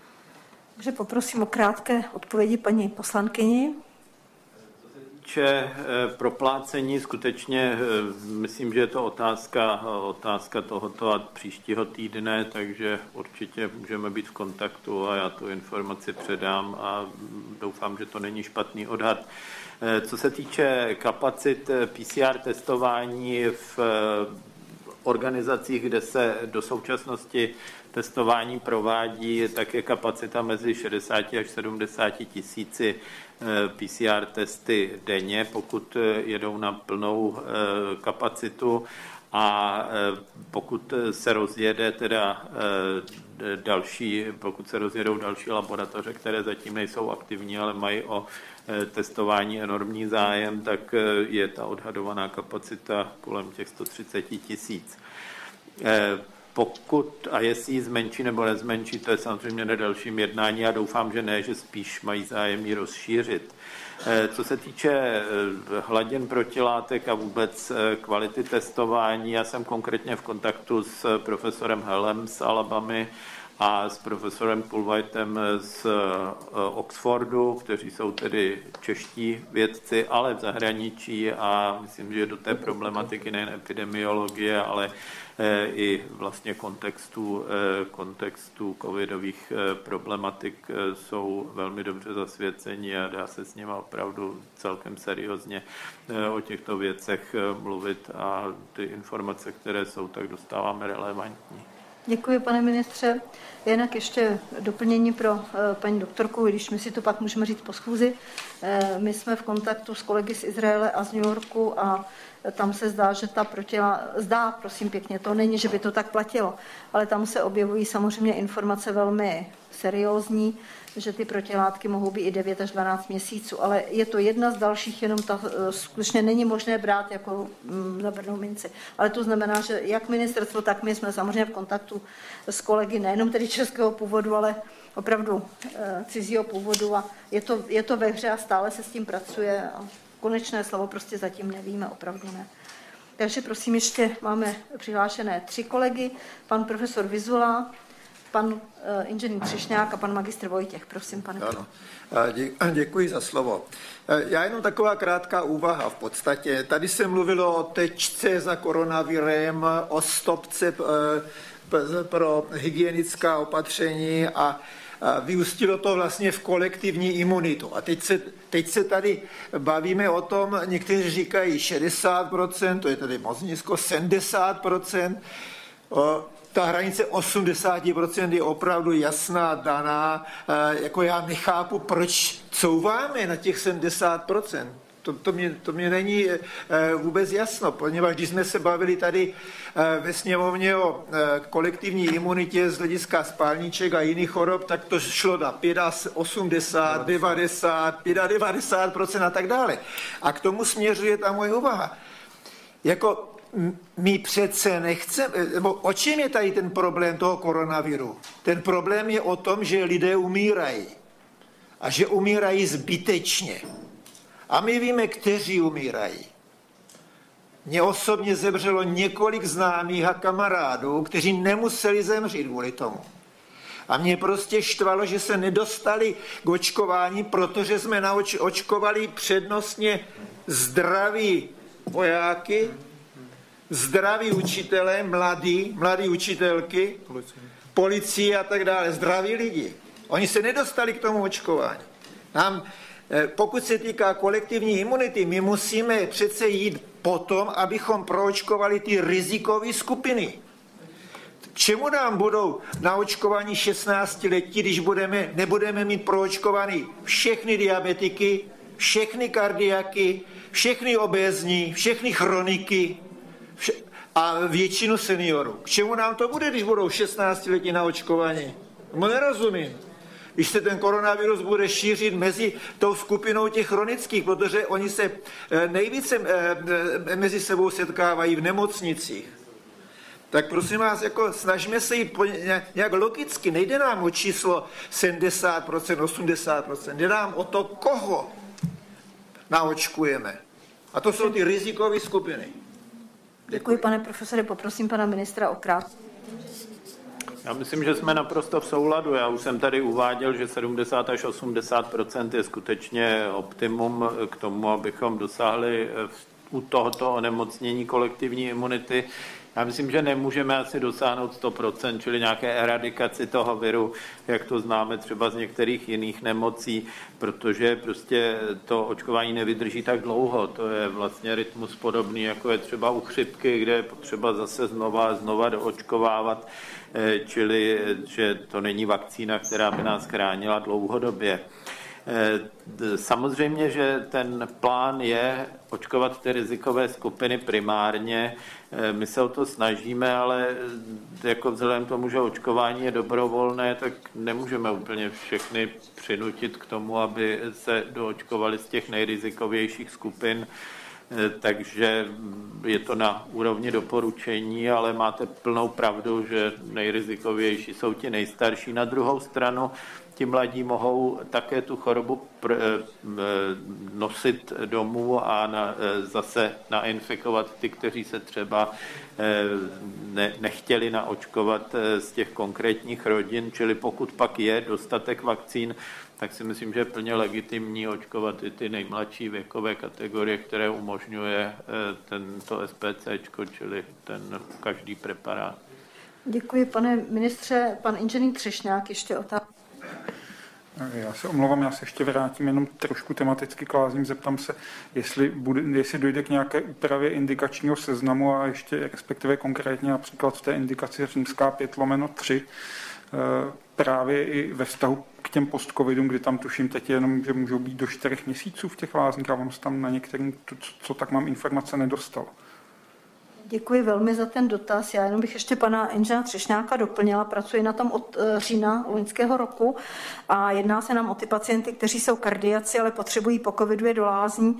Jedná se tam o tu diagnózu eh, plicní onemocnění netuberkulózního typu a my jsme tam prosili o tři lázně, které se stají o kardiaky, to znamená Teplice nad Bečvou, Poděbrady a Konstantinovy lázně a já jsem teda od toho října vlastně se nedozvěděla, jak to dopadlo. Jestli můžeme poprosit tedy paní náměstky náměstkyně odpověď. Já děkuji za slovo. My jsme tohle to řešili. V podstatě to byla jedna z prvních věcí, které jsme řešili, eh, jak jsem nastoupila v tom prvním týdnu. A ten indikační seznam je upravován právě s ohledem na to, aby se tam dostali lidé, i ti, kteří nebyli hospitalizováni pro COVID, protože oni mohou mít post-COVID i bez eh, předchozí hospitalizace, může se ta tíže vlastně vyvinout až jako sekundární imunitní reakce. A pak také i ti lidé, kteří mají třeba post-COVID následky na srdci, na nervovém systému a není dominantní ta pneumonie a mělo by být prodloužena ta doba na 12 měsíců od té diagnózy, protože jsme si vědomi, že vlastně nebyla ani žádná možnost jezdit do lázní dlouhou dobu a řada těch lidí by o to byla ochuzena. Stačí zpráva od odborného lékaře, že tam ta indikace je a mělo by se to zrealizovat. Mně to je velmi radostné zjištění, jestli pro pana inženýra, tak jsme oba dva spokojeni a děkuji, děkuji za to. A pan magistr Vojtěch. Děkuji za slovo, vážená paní předsedkyně, vážení páni ministři, dámy a pánové. Já bych měl jeden dotaz eh, opět eh, k očkování. Eh, bavíme se tady o nutnosti navýšit pro očkovanost počty lidí, kteří mají tady zájem o očkování. Je to, je to 70, 80%, to teďka nechám stranou, ale přestože samozřejmě máme tady dobrovolné očkování, tak si myslím, že by pomohlo a vím, že potom volají hospodářská komora a další, aby byly umožněny, řekněme, hromadná registrace ze strany třeba firm, protože eh, dnes ten systém je založen na individuální registraci každého eh, člověka. Myslím si, že pokud by velké podniky, které mají stovky, někdy tisíce zaměstnanců, byly umožněny právě tyto hromadné registrace těch lidí a dneska pokud bude dost vakcín, tak v tom nevidím nějaký zásadní problém. Přece jenom ty zaměstnavatelé zaměstnavatelé mají jistý vliv eh, na své zaměstnance, eh, takže by eh, toto pomohlo. Požádal bych ministerstvo zdravotnictví, aby se nad tímto zamyslel. Myslím si, že by skutečně to mohlo zvýšit ten zájem a počet lidí proočkovaných. Děkuji velmi za ten podnět. Já dám slovo panu ministru Arenbergerovi. Hovořilo se o tom v úterý a já musím říct, že jsem tedy trošku navedla podnikatele, protože ze zákona všichni musí mít svého závodního lékaře. Tam jako není o čem. Ten závodní lékař je také praktický lékař, takže tam je možné potom pravděpodobně po dohodě udělat i tedy očkování přes tyto lékaře. Oni zatím teda bylo vidět, že to nenapadlo, ale pan ministr Eh, paní profesorka to tady už vlastně řekla, že jsme seděli na stejném jednání i s zástupci průmyslu, eh, kteří nabízeli tuto variantu. Já myslím, že je velmi správná. Eh, ne úplně všichni jsme si ze začátku uvědomili, že vlastně pro ně je zajímavé testovat i v situaci, kdy se jedná ještě o nějaké prioritní věkové skupiny a už tam by se chtěli zapojit. Ta strategie ministerstva byla spíš směřována k tomu, až se otevřou všechny věkové skupiny, tak že se nabídne to i e, třeba jednotlivým třeba nejprve velkým podnikům a pak dalším podnikům, ale e, ono už, my víme, že třeba v Moravskoskaleckém kraji už to v jednom podniku běží velmi úspěšně a záleží ale na té distribuci vakcín, protože ta vakcína je vždycky distribuována podle počtu obyvatel v tom daném kraji a zatím je to tak, že vlastně ten krajský koordinátor musí tu vakcínu buď dát do svých očkovacích center, anebo tam přidat ještě do toho průmyslu, eh, což vlastně sníží eh, ten objem. Takhle je to nastavený, já neříkám, že je to optimální stav, ale je potřeba i tohle to potom zvážit, ale na druhou stranu plánujeme-li, že bude těch vakcín postupně více a více, tak eh, určitě je potřeba otevřít se i tímto směrem. Děkuji velmi. Ještě než dám slovo na tu technickou eh, panu magistru Vojtěchovi, tak musím říct ještě jednu věc, která tam nezazněla na tom úterním jednání a nevím, jestli si to úplně jakoby zástupci těch zaměstnavatelů uvědomují. A to sice ze zákona ten zaměstnavatel tomu vůbec nic není do zdravotního stavu, krom toho, že ten závodní lékař řekne, že je schopen té dané práce nebo ne. Takže v momentě, kdyby se tam objevil někdo, kdo by z nějakých důvodů nemohl být očkován, tak absolutně nemá ten zaměstnavatel žádné právo mu cokoliv říkat. A tam si myslím, že my jsme to neotevřeli. Mě to upřímně, eh, jako bych jsem si uvědomila celý ten koloběh až teď, jak to říká pan magistr. Takže určitě jsme to vítali. Určitě se k tomu možná i výbor pro zdravotnictví, když po dohodě bude, uděláme nějaké společné sezení, abychom věděli úplně všechny alternativy. A jenom upozorňuji, že zaměstnavateli do vašeho zdravotního stavu, krom toho, zda jste nebo nejste schopen práce, opravdu vůbec nic není. Pan magistr Vojtěch. Nesporně s tím souhlasím, pokud je tam nějaká kontraindikace, tak je jasné, že ten zaměstnanec se nemůže být očkován, ale přece jenom myslím si, že existuje jistý neformální vliv ze strany těch zaměstnavatelů na své zaměstnance. A já jsem chtěl ještě doplnit, že eh, si myslím, že i ta velkokapacitní centra, aspoň jak já mám zkušenost třeba například eh, z Ústeckého kraje v současné době, prostě nejsou plně vytížena těmi lidmi z těch standardních eh, registrací a byla by schopna zajistit třeba očkování nějakých fabrik, pokud by třeba se zorganizovalo nějaké eh, v autobusech prostě z těch fabrik eh, přejezdy těch zaměstnanců, takže myslím si, že ta kapacita existuje a pokud těch vakcín bude dost, což si myslím, že bude podle těch informací, tak by to takto bylo možné taktéž řešit. Děkuji velmi za to doplnění. Já myslím, že eh, pan ministr to všechno vnímá, že samozřejmě v případě, že tam něco takového nového bude, že se budeme s tím zabývat. A samozřejmě říkám, za výbor pro zdravotnictví nabízíme ministerstvu eh, v případě nějaké potřeby třeba i jednání s těmi odbory tady na půdě poslanecké sněmovny, tak jsme samozřejmě okamžitě ochotni eh, tam vypomoci tak, jak by bylo potřeba. Nevidím nikoho dalšího do diskuze, tak v Tímto tedy diskuzi končím. Děkuji všem, kteří se zúčastnili. Děkuji za ty odpovědi, které nám vyjasnily mnohé věci, které třeba nebyly jasné. A vzhledem k tomu, že ta diskuze byla tak bohatá, tak si dovolím načíst jedno základní usnesení, abychom tedy měli nějaký závěr této dvouhodinové diskuze.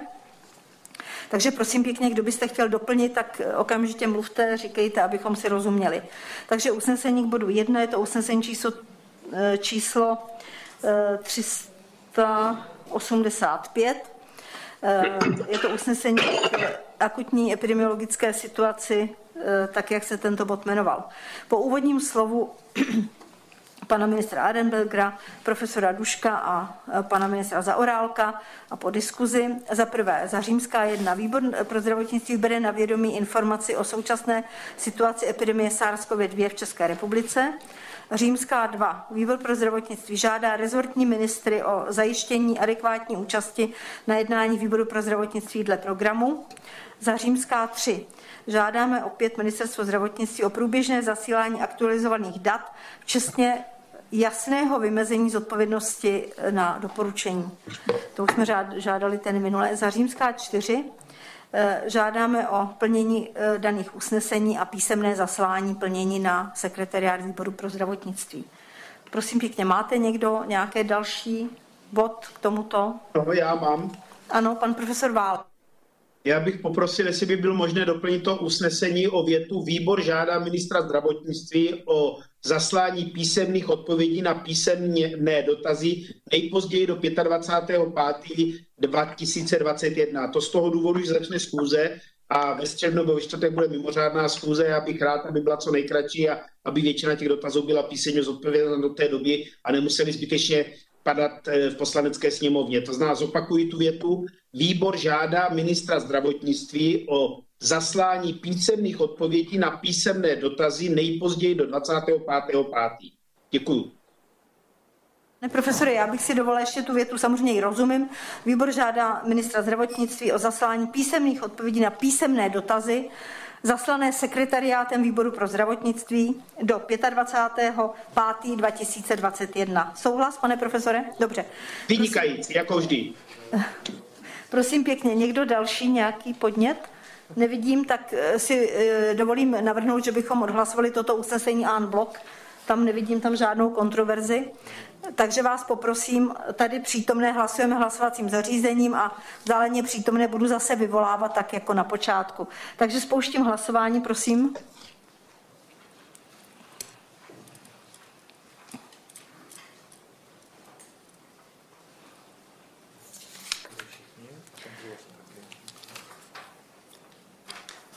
Takže zde přítomní přítomných 11 pro 11, nikdo proti, nikdo se nezdržel a vzdáleně přítomné kolegy, tak jak vás vidím, tak budu vyvolávat. Pan doktor Dvořák. Jsem pro. Děkuji. Pan doktor Janulík. Pro. Děkuji. Pan profesor Válek. Pro. Děkuji. Paní eh, doktorka Gajdušková. Jsem pro. Děkuji.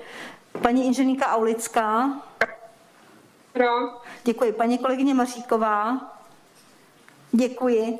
Všichni vzdáleně přítomní se slovně vyjádřili pro. Děkuji vám. Tímto končím tento první bod, který se nám trošku protahl, ale e, neukončovala jsem samozřejmě diskuzi. Zaprvé všechny dotazy byly věcné, konkrétní, potřebovali jsme si některé věci ujasnit, takže e, si myslím, že tím si ušetříme zase spoustu dalších otázek. Pokročíme podle schváleného programu k bodu číslo dvě, což je vládní návrh zákona, kterým a pan ministr kultury, promiňte, děkujeme panu ministru za Orálkovi. Já jsem ho tak chtěla vtáhnout do našeho dění, aby neřekl, že mu něco nechceme říct. Takže, pane ministře, děkujeme velmi, že jste přišel, děkujeme za cené podněty a zrovna tak eh, děkuji panu řediteli odboru z ministerstva školství. Můžete tady samozřejmě zůstat a teď už se budeme věnovat jiným věcem. Takže bod číslo dvě našeho schváleného programu Vládní návrh zákona, kterým se mění zákon 48 1997 sbírky o veřejném zdravotním pojištění, o změně a tak dále, sněmovní tisk 992. Připomínám, že jsme již po druhém čtení, jsme dnes garančním výborem pro tento tisk, takže poprosím o krátké uvedení pana ministra Arenberga. Vážená paní předsedkyně, vážené paní poslankyně, vážení páni poslanci, vážené dámy a pánové, Vzhledem k tomu, že předložený návrh byl na tomto výboru už vícekrát diskutován, dovolte mi, aby k jeho uvedení pouze připomněl, eh, že jeho cílem je přispět ke zlepšení fungování systému veřejného zdravotního pojištění. Návrh obsahuje zejména novou úpravu eh, přeskoumávání podmínek pro úhradu zdravotních služeb. Tato úprava sjednotí proces rozhodování zdravotních pojišťoven, zrychlí řízení a zlepší procesní postavení pojištěnců. Z dalších oblastí mohou připomenout také zvýšení dostupnosti vysoce inovativních léčivých přípravků a léčivých přípravků pro vzácná onemocnění, kterého má být dosaženo úpravou pravidel pro vstup léčivých přípravků a potravin pro zvláštní lékařské účely do systému úhrad z veřejného zdravotního pojištění nebo zvýšení dostupnosti zdravotnických prostředků, a to prostřednictvím aktualizace úhradových skupin zdravotnických prostředků předepisovaných na poukaz a aktualizací úhradové regulace ortodontických výkonů a stomatologických a ortodontických výrobků. Dopady na systém veřejného zdravotního pojištění lze za všechny zmíněné oblasti odhadovat ve výši cirka 350 milionů korun v prvním roce účinnosti a v nižších stovkách milionů v letech následujících. Eh, vzhledem k tomu, že v uplynulých měsících došlo k významnému navýšení platby pojistného za tzv. státní pojištěnce, je systém veřejného zdravotního pojištění zatím schopen toto navýšení nákladů absorbovat. Problémy by mohlo způsobit přijetí pozměňovacího návrhu pana poslance profesora Válka, označeného jako F1, týkajícího se složení a počtu revizních komisí a požadavku souhlasu pacienta pro podání žádosti o schválení zdravotní pojišťovnou. U velkých zdravotních pojišťoven je počet podaných odvolání v řádu stovek ročně, u Všeobecné zdravotní pojišťovny České republiky je jich pak více než tisíc. Pouze jediná revizní komise nebude schopna rozhodovat tak velké množství odvolání ve lhůtách stanovených správním řádem a tak bude docházet k prodlení se schvalováním úhrady léčby pacientů. Zároveň nelze provádět selekci členů pro konkrétní případ a bude nutné zajistit usnášení schopnost velkého množství členů celé revizní komise. Pro pacienty může významnou nevýhodu eh, znamenat i podmínění podání žádosti jejich souhlasem. Nelze vyloučit případy, kdy pacient nemůže souhlas dočasně podat a přijetí úpravy tak bude znamenat zdržení v posouzení nároku na úhradu léčby. Její schválení přitom neznamená, že bude i poskytnuta. K tomu může dojít až s informovaným souhlasem pacienta podle zákona o zdravotních službách. Připomínám, že tento problém se bude nejčastěji týkat právě těžce nemocných pacientů. Schodné výhrady měly k pozměňovacímu návrhu i zdravotní pojišťovny, které byly v této věci osloveny. Dále si v souvislosti s rozdělením hlasování u pozměňovacího eh, návrhu pod písmenem A dovoluji požádat, zda by bylo možné zvlášť hlasovat o pozměňovacím návrhu označeném jako A11. Tímto návrhem je do zákona zaváněna dispenzační taxa za výdej léčivého přípravku.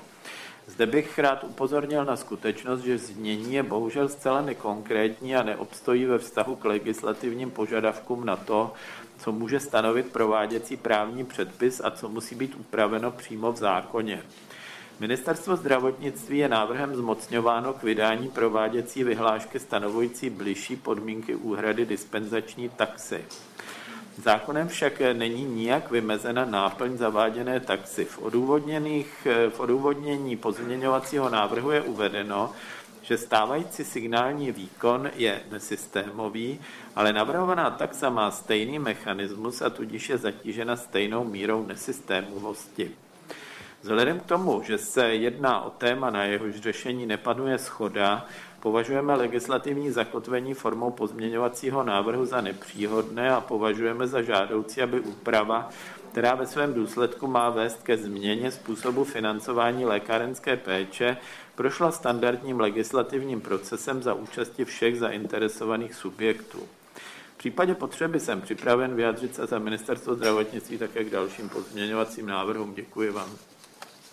Takže, vážený pane ministře, já děkuji. My jsme samozřejmě tady tomuto zákonu, který pro nás je velmi důležitý, měli jedna kulatý stůl, měli jsme k němu velký seminář, kde byly zúčastněny všechny vlastně strany, které se eh, tohoto mohou zúčastňovat, včetně pacientských organizací, včetně lékárnické komory, která je velmi důležitá, včetně profesních komor, ať už to byly stomatologové nebo eh, komora eh, lékařů, takže my jsme si tady o tom povídali velmi dlouho. Nicméně, prosím pěkně, mám tady teď několik takových avíz, že někteří kolegové musí odejít, ale stejně bych byla ráda, kdybychom otevřeli krátkou diskuzi, jestli proti tomu nic nenamítáte. Takže prosím pěkně, hlásí se někdo? Pan profesor Válek, jestli dobře vidím. Ano, já už se hlásím do obrazovky, ta ručička evidentně moc nefunguje. Já velmi děkuji panu ministrovi za to vyjádření. Já jsem si vědom toho, že ten pozměňovací návrh má svoje má plusy a minusy a předpokládám, že o něm budeme diskutovat v poslanecké sněmovně ve třetím čtení. Já bych chtěl spíš jenom, a eh, velmi děkuji paní profesorce Rámkové, protože některé ty pozměňovací návrhy dáváme opravdu napříč koalicí a opozicí, což je dobře a určitě to svědčí proto, že nám jde o kvalitu a o eh, řekněme to, aby ten zákon byl odborně co nejlepší a ne, aby zvítězila opozice a koalice a navzájem jsme se vykostili. Já bych chtěl jenom krátce zdůvodnit, Eh, jeden z těch pozměňovacích svých návrhů, a sice pozměňovací návrh 8219. Já jsem si to radši napsal, abych, eh, jak si to řekl co nejstručněji, jde o to, kdy já chci s tím pozměňovacím návrhem vlastně eh, zlikvidovat tu formulaci dopad do rozpočtu ten do, dopad do státního rozpočtu. Ty důvody jsou v podstatě tři.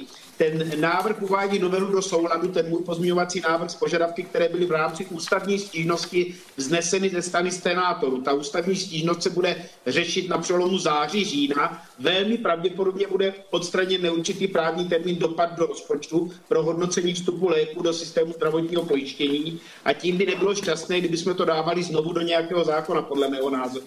Jasně se stanoví proces přehodnocování inovativních léčiv do trvalé úhrady a ne s tímto. Za druhé, ten pozměňovák dává eh, eh, nebo uvádí tu novelu do souladu s, eh, s judikaturou správních soudů, omlouvám se, v oblasti přepočtu zahraničních cen léků. Tady opakovaně existují precedentní správní rozhodnutí, které říkají, že to nemůže být provázáno s dopadem do státního rozpočtu. A konečně Návrh také upravuje ten institut obchodního tajemství v rámci správních řízení, který je nenahraditelným atributem pro dostupnost léčiv pro české pacienty a který je také napadán. To znamená, já znovu dávám ke zvážení podporu tohoto pozměňovacího návrhu a znovu prosím ministerstvo o zvážení, zda by nebylo vhodné přece jenom tady tento pozměňovací návrh podpořit. Já jsem úplně neslyšel vyjádření ministerstva k němu. Děkuji moc krát. Děkuji, pane profesore. Další je pan inženýr Třešňák. Já bych chtěl jenom poprosit o podporu toho pozměňovacího návrhu a abych to vysvětlil, eh, došlo k určité úpravě na základě té bouřlivé diskuze eh, před tím druhým čtením, takže nově je tam tedy to pravidlo, že to rozlišování mezi pojištěncem a ostatními pacienty by bylo uplatňováno pouze tehdy, pokud by v důsledku jednání poskytovatele došlo ke zhoršení dostupnosti hrazených služeb pro pojištěnce.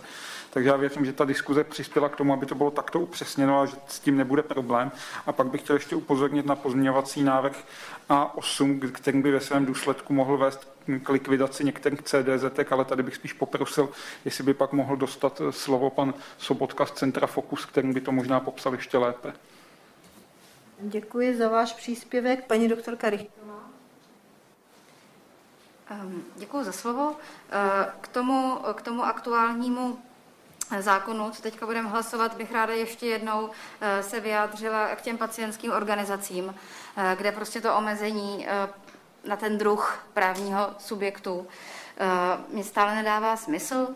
Dostali jsme k tomu další podklady, za to děkuji, nicméně prostě stále zůstává otázka, proč by vlastně tou pacientskou organizací, která bude zastupovat pacientskou veřejnost v tom poradním orgánu, měla být právě Česká asociace pro vzácná onemocnění, ČAVO. Prostě je to jeden spolek z mnoha. Takže proč zrovna ČAVO? A druhá věc, jako vím, že tady o tom už byla ta diskuze posledně, ale fakt mně přijde stále nejasné, vlastně jaký bude smysl toho, když vyloučení budou kvůli konfliktu zájmu všichni, kteří něco speciálního vědí o tom daném onemocnění, protože jsou buď sami pacienty nebo příbuznými pacienta, ale vlastně teďka je to tak nastavené, navržené, že radit bude vždycky ten, kdo o té věci prostě vlastně nic neví. To už by tam mohl být um, prostě víceméně kdokoliv. Uh, tak jenom to prostě není jasné, k čemu to prospěje. Uh, participace pacientů je samozřejmě něco, co plně podporujeme. Ale tady ty dvě podmínky, proč prostě Česká asociace pro zásná onemocnění, související s tím, proč vůbec to omezení na spolek a potom vlastně takto nastavený střed zájmů mi přijde, že není, není jakoby jednoznačné. A pak druhou věc, jestli můžu k tomu svému pozměňovacímu návrhu, já tady nechci, nechci dlouze, ale, ale opravdu stručně chci zdůraznit, že vám, vážené kolegyně a kolegové, k návrhu, který vlastně by podpořil tu kontinuální péči vysokoškolsky vzdělanými porodními asistentkami, pošlu e-mail teďka během výboru, kdy prostě tam je rozříkané, jak funguje ta návštěvní služba porodních asistentek v těhotenství a šesti nedělí, kdy právě už dneska ten vysokoškolský obor předpokládá právě u těchto věcí samostatnou práci bez nutnosti té indikace lékařem. Tak to je jeden argument. A potom ten druhý, ta podpora kojení. Dneska ta standardní doba setrvání v nemocnici jsou prostě tři dny, 72 hodin a to nestačí na stabilizaci kojení. Takže zase ta podpora je potřebná, porodní asistentky s ní mohou a umějí pomáhat a dneska zase si musí žena nejprve říci o indikaci lékařem, nemůže se domluvit napřímo aby to bylo proplacené z veřejného zdravotního pojištění. A potom finálně prostě dřívější odchody z porodnic, opět vhodnost návštěv, kde prostě reálně to žádný jiný lékařský zdravotnický pracovník nezvládá ty domácí návštěvy. Takže kontinuální péče porodními asistentkami je něco, co si vám dovolím zaslat z odkazy na odborné studie do e-mailu a upozorňuji, že prostě to je něco, co všechny země na západ od nás mají proplácené z veřejného zdravotního pojištění. Takže je můj cíl umožnit tuto svobodu volby i u nás. Děkuji, paní doktorko. Já nevím, jestli chce odpovědět na ty dotazy nebo na ty příspěvky už teď pan ministr nebo pan náměstek, na koho budete delegovat svou odpovědnost? Pan náměstek Policar. Já krátce zareaguju na paní poslankyni. Já tento moment už věřím, že paní poslankyně je nepřesvědčitelná v těch otázkách, protože mám pocit, že těch argumentů eh, k otázkám pacientských organizací a jejich, jejich účasti na těch procesech podle zákona o veřejném zdravotním pojištění bude-li přijata tato novela, je opravdu jaksi velké množství, a, ale hlavně eh, to, co je asi klíčové pro nás, je, že navrhujeme účast spolků z důvodu jejich demokratické povahy, která není u žádných jiných právnických osob. Sledujte zdravé zprávy CZ.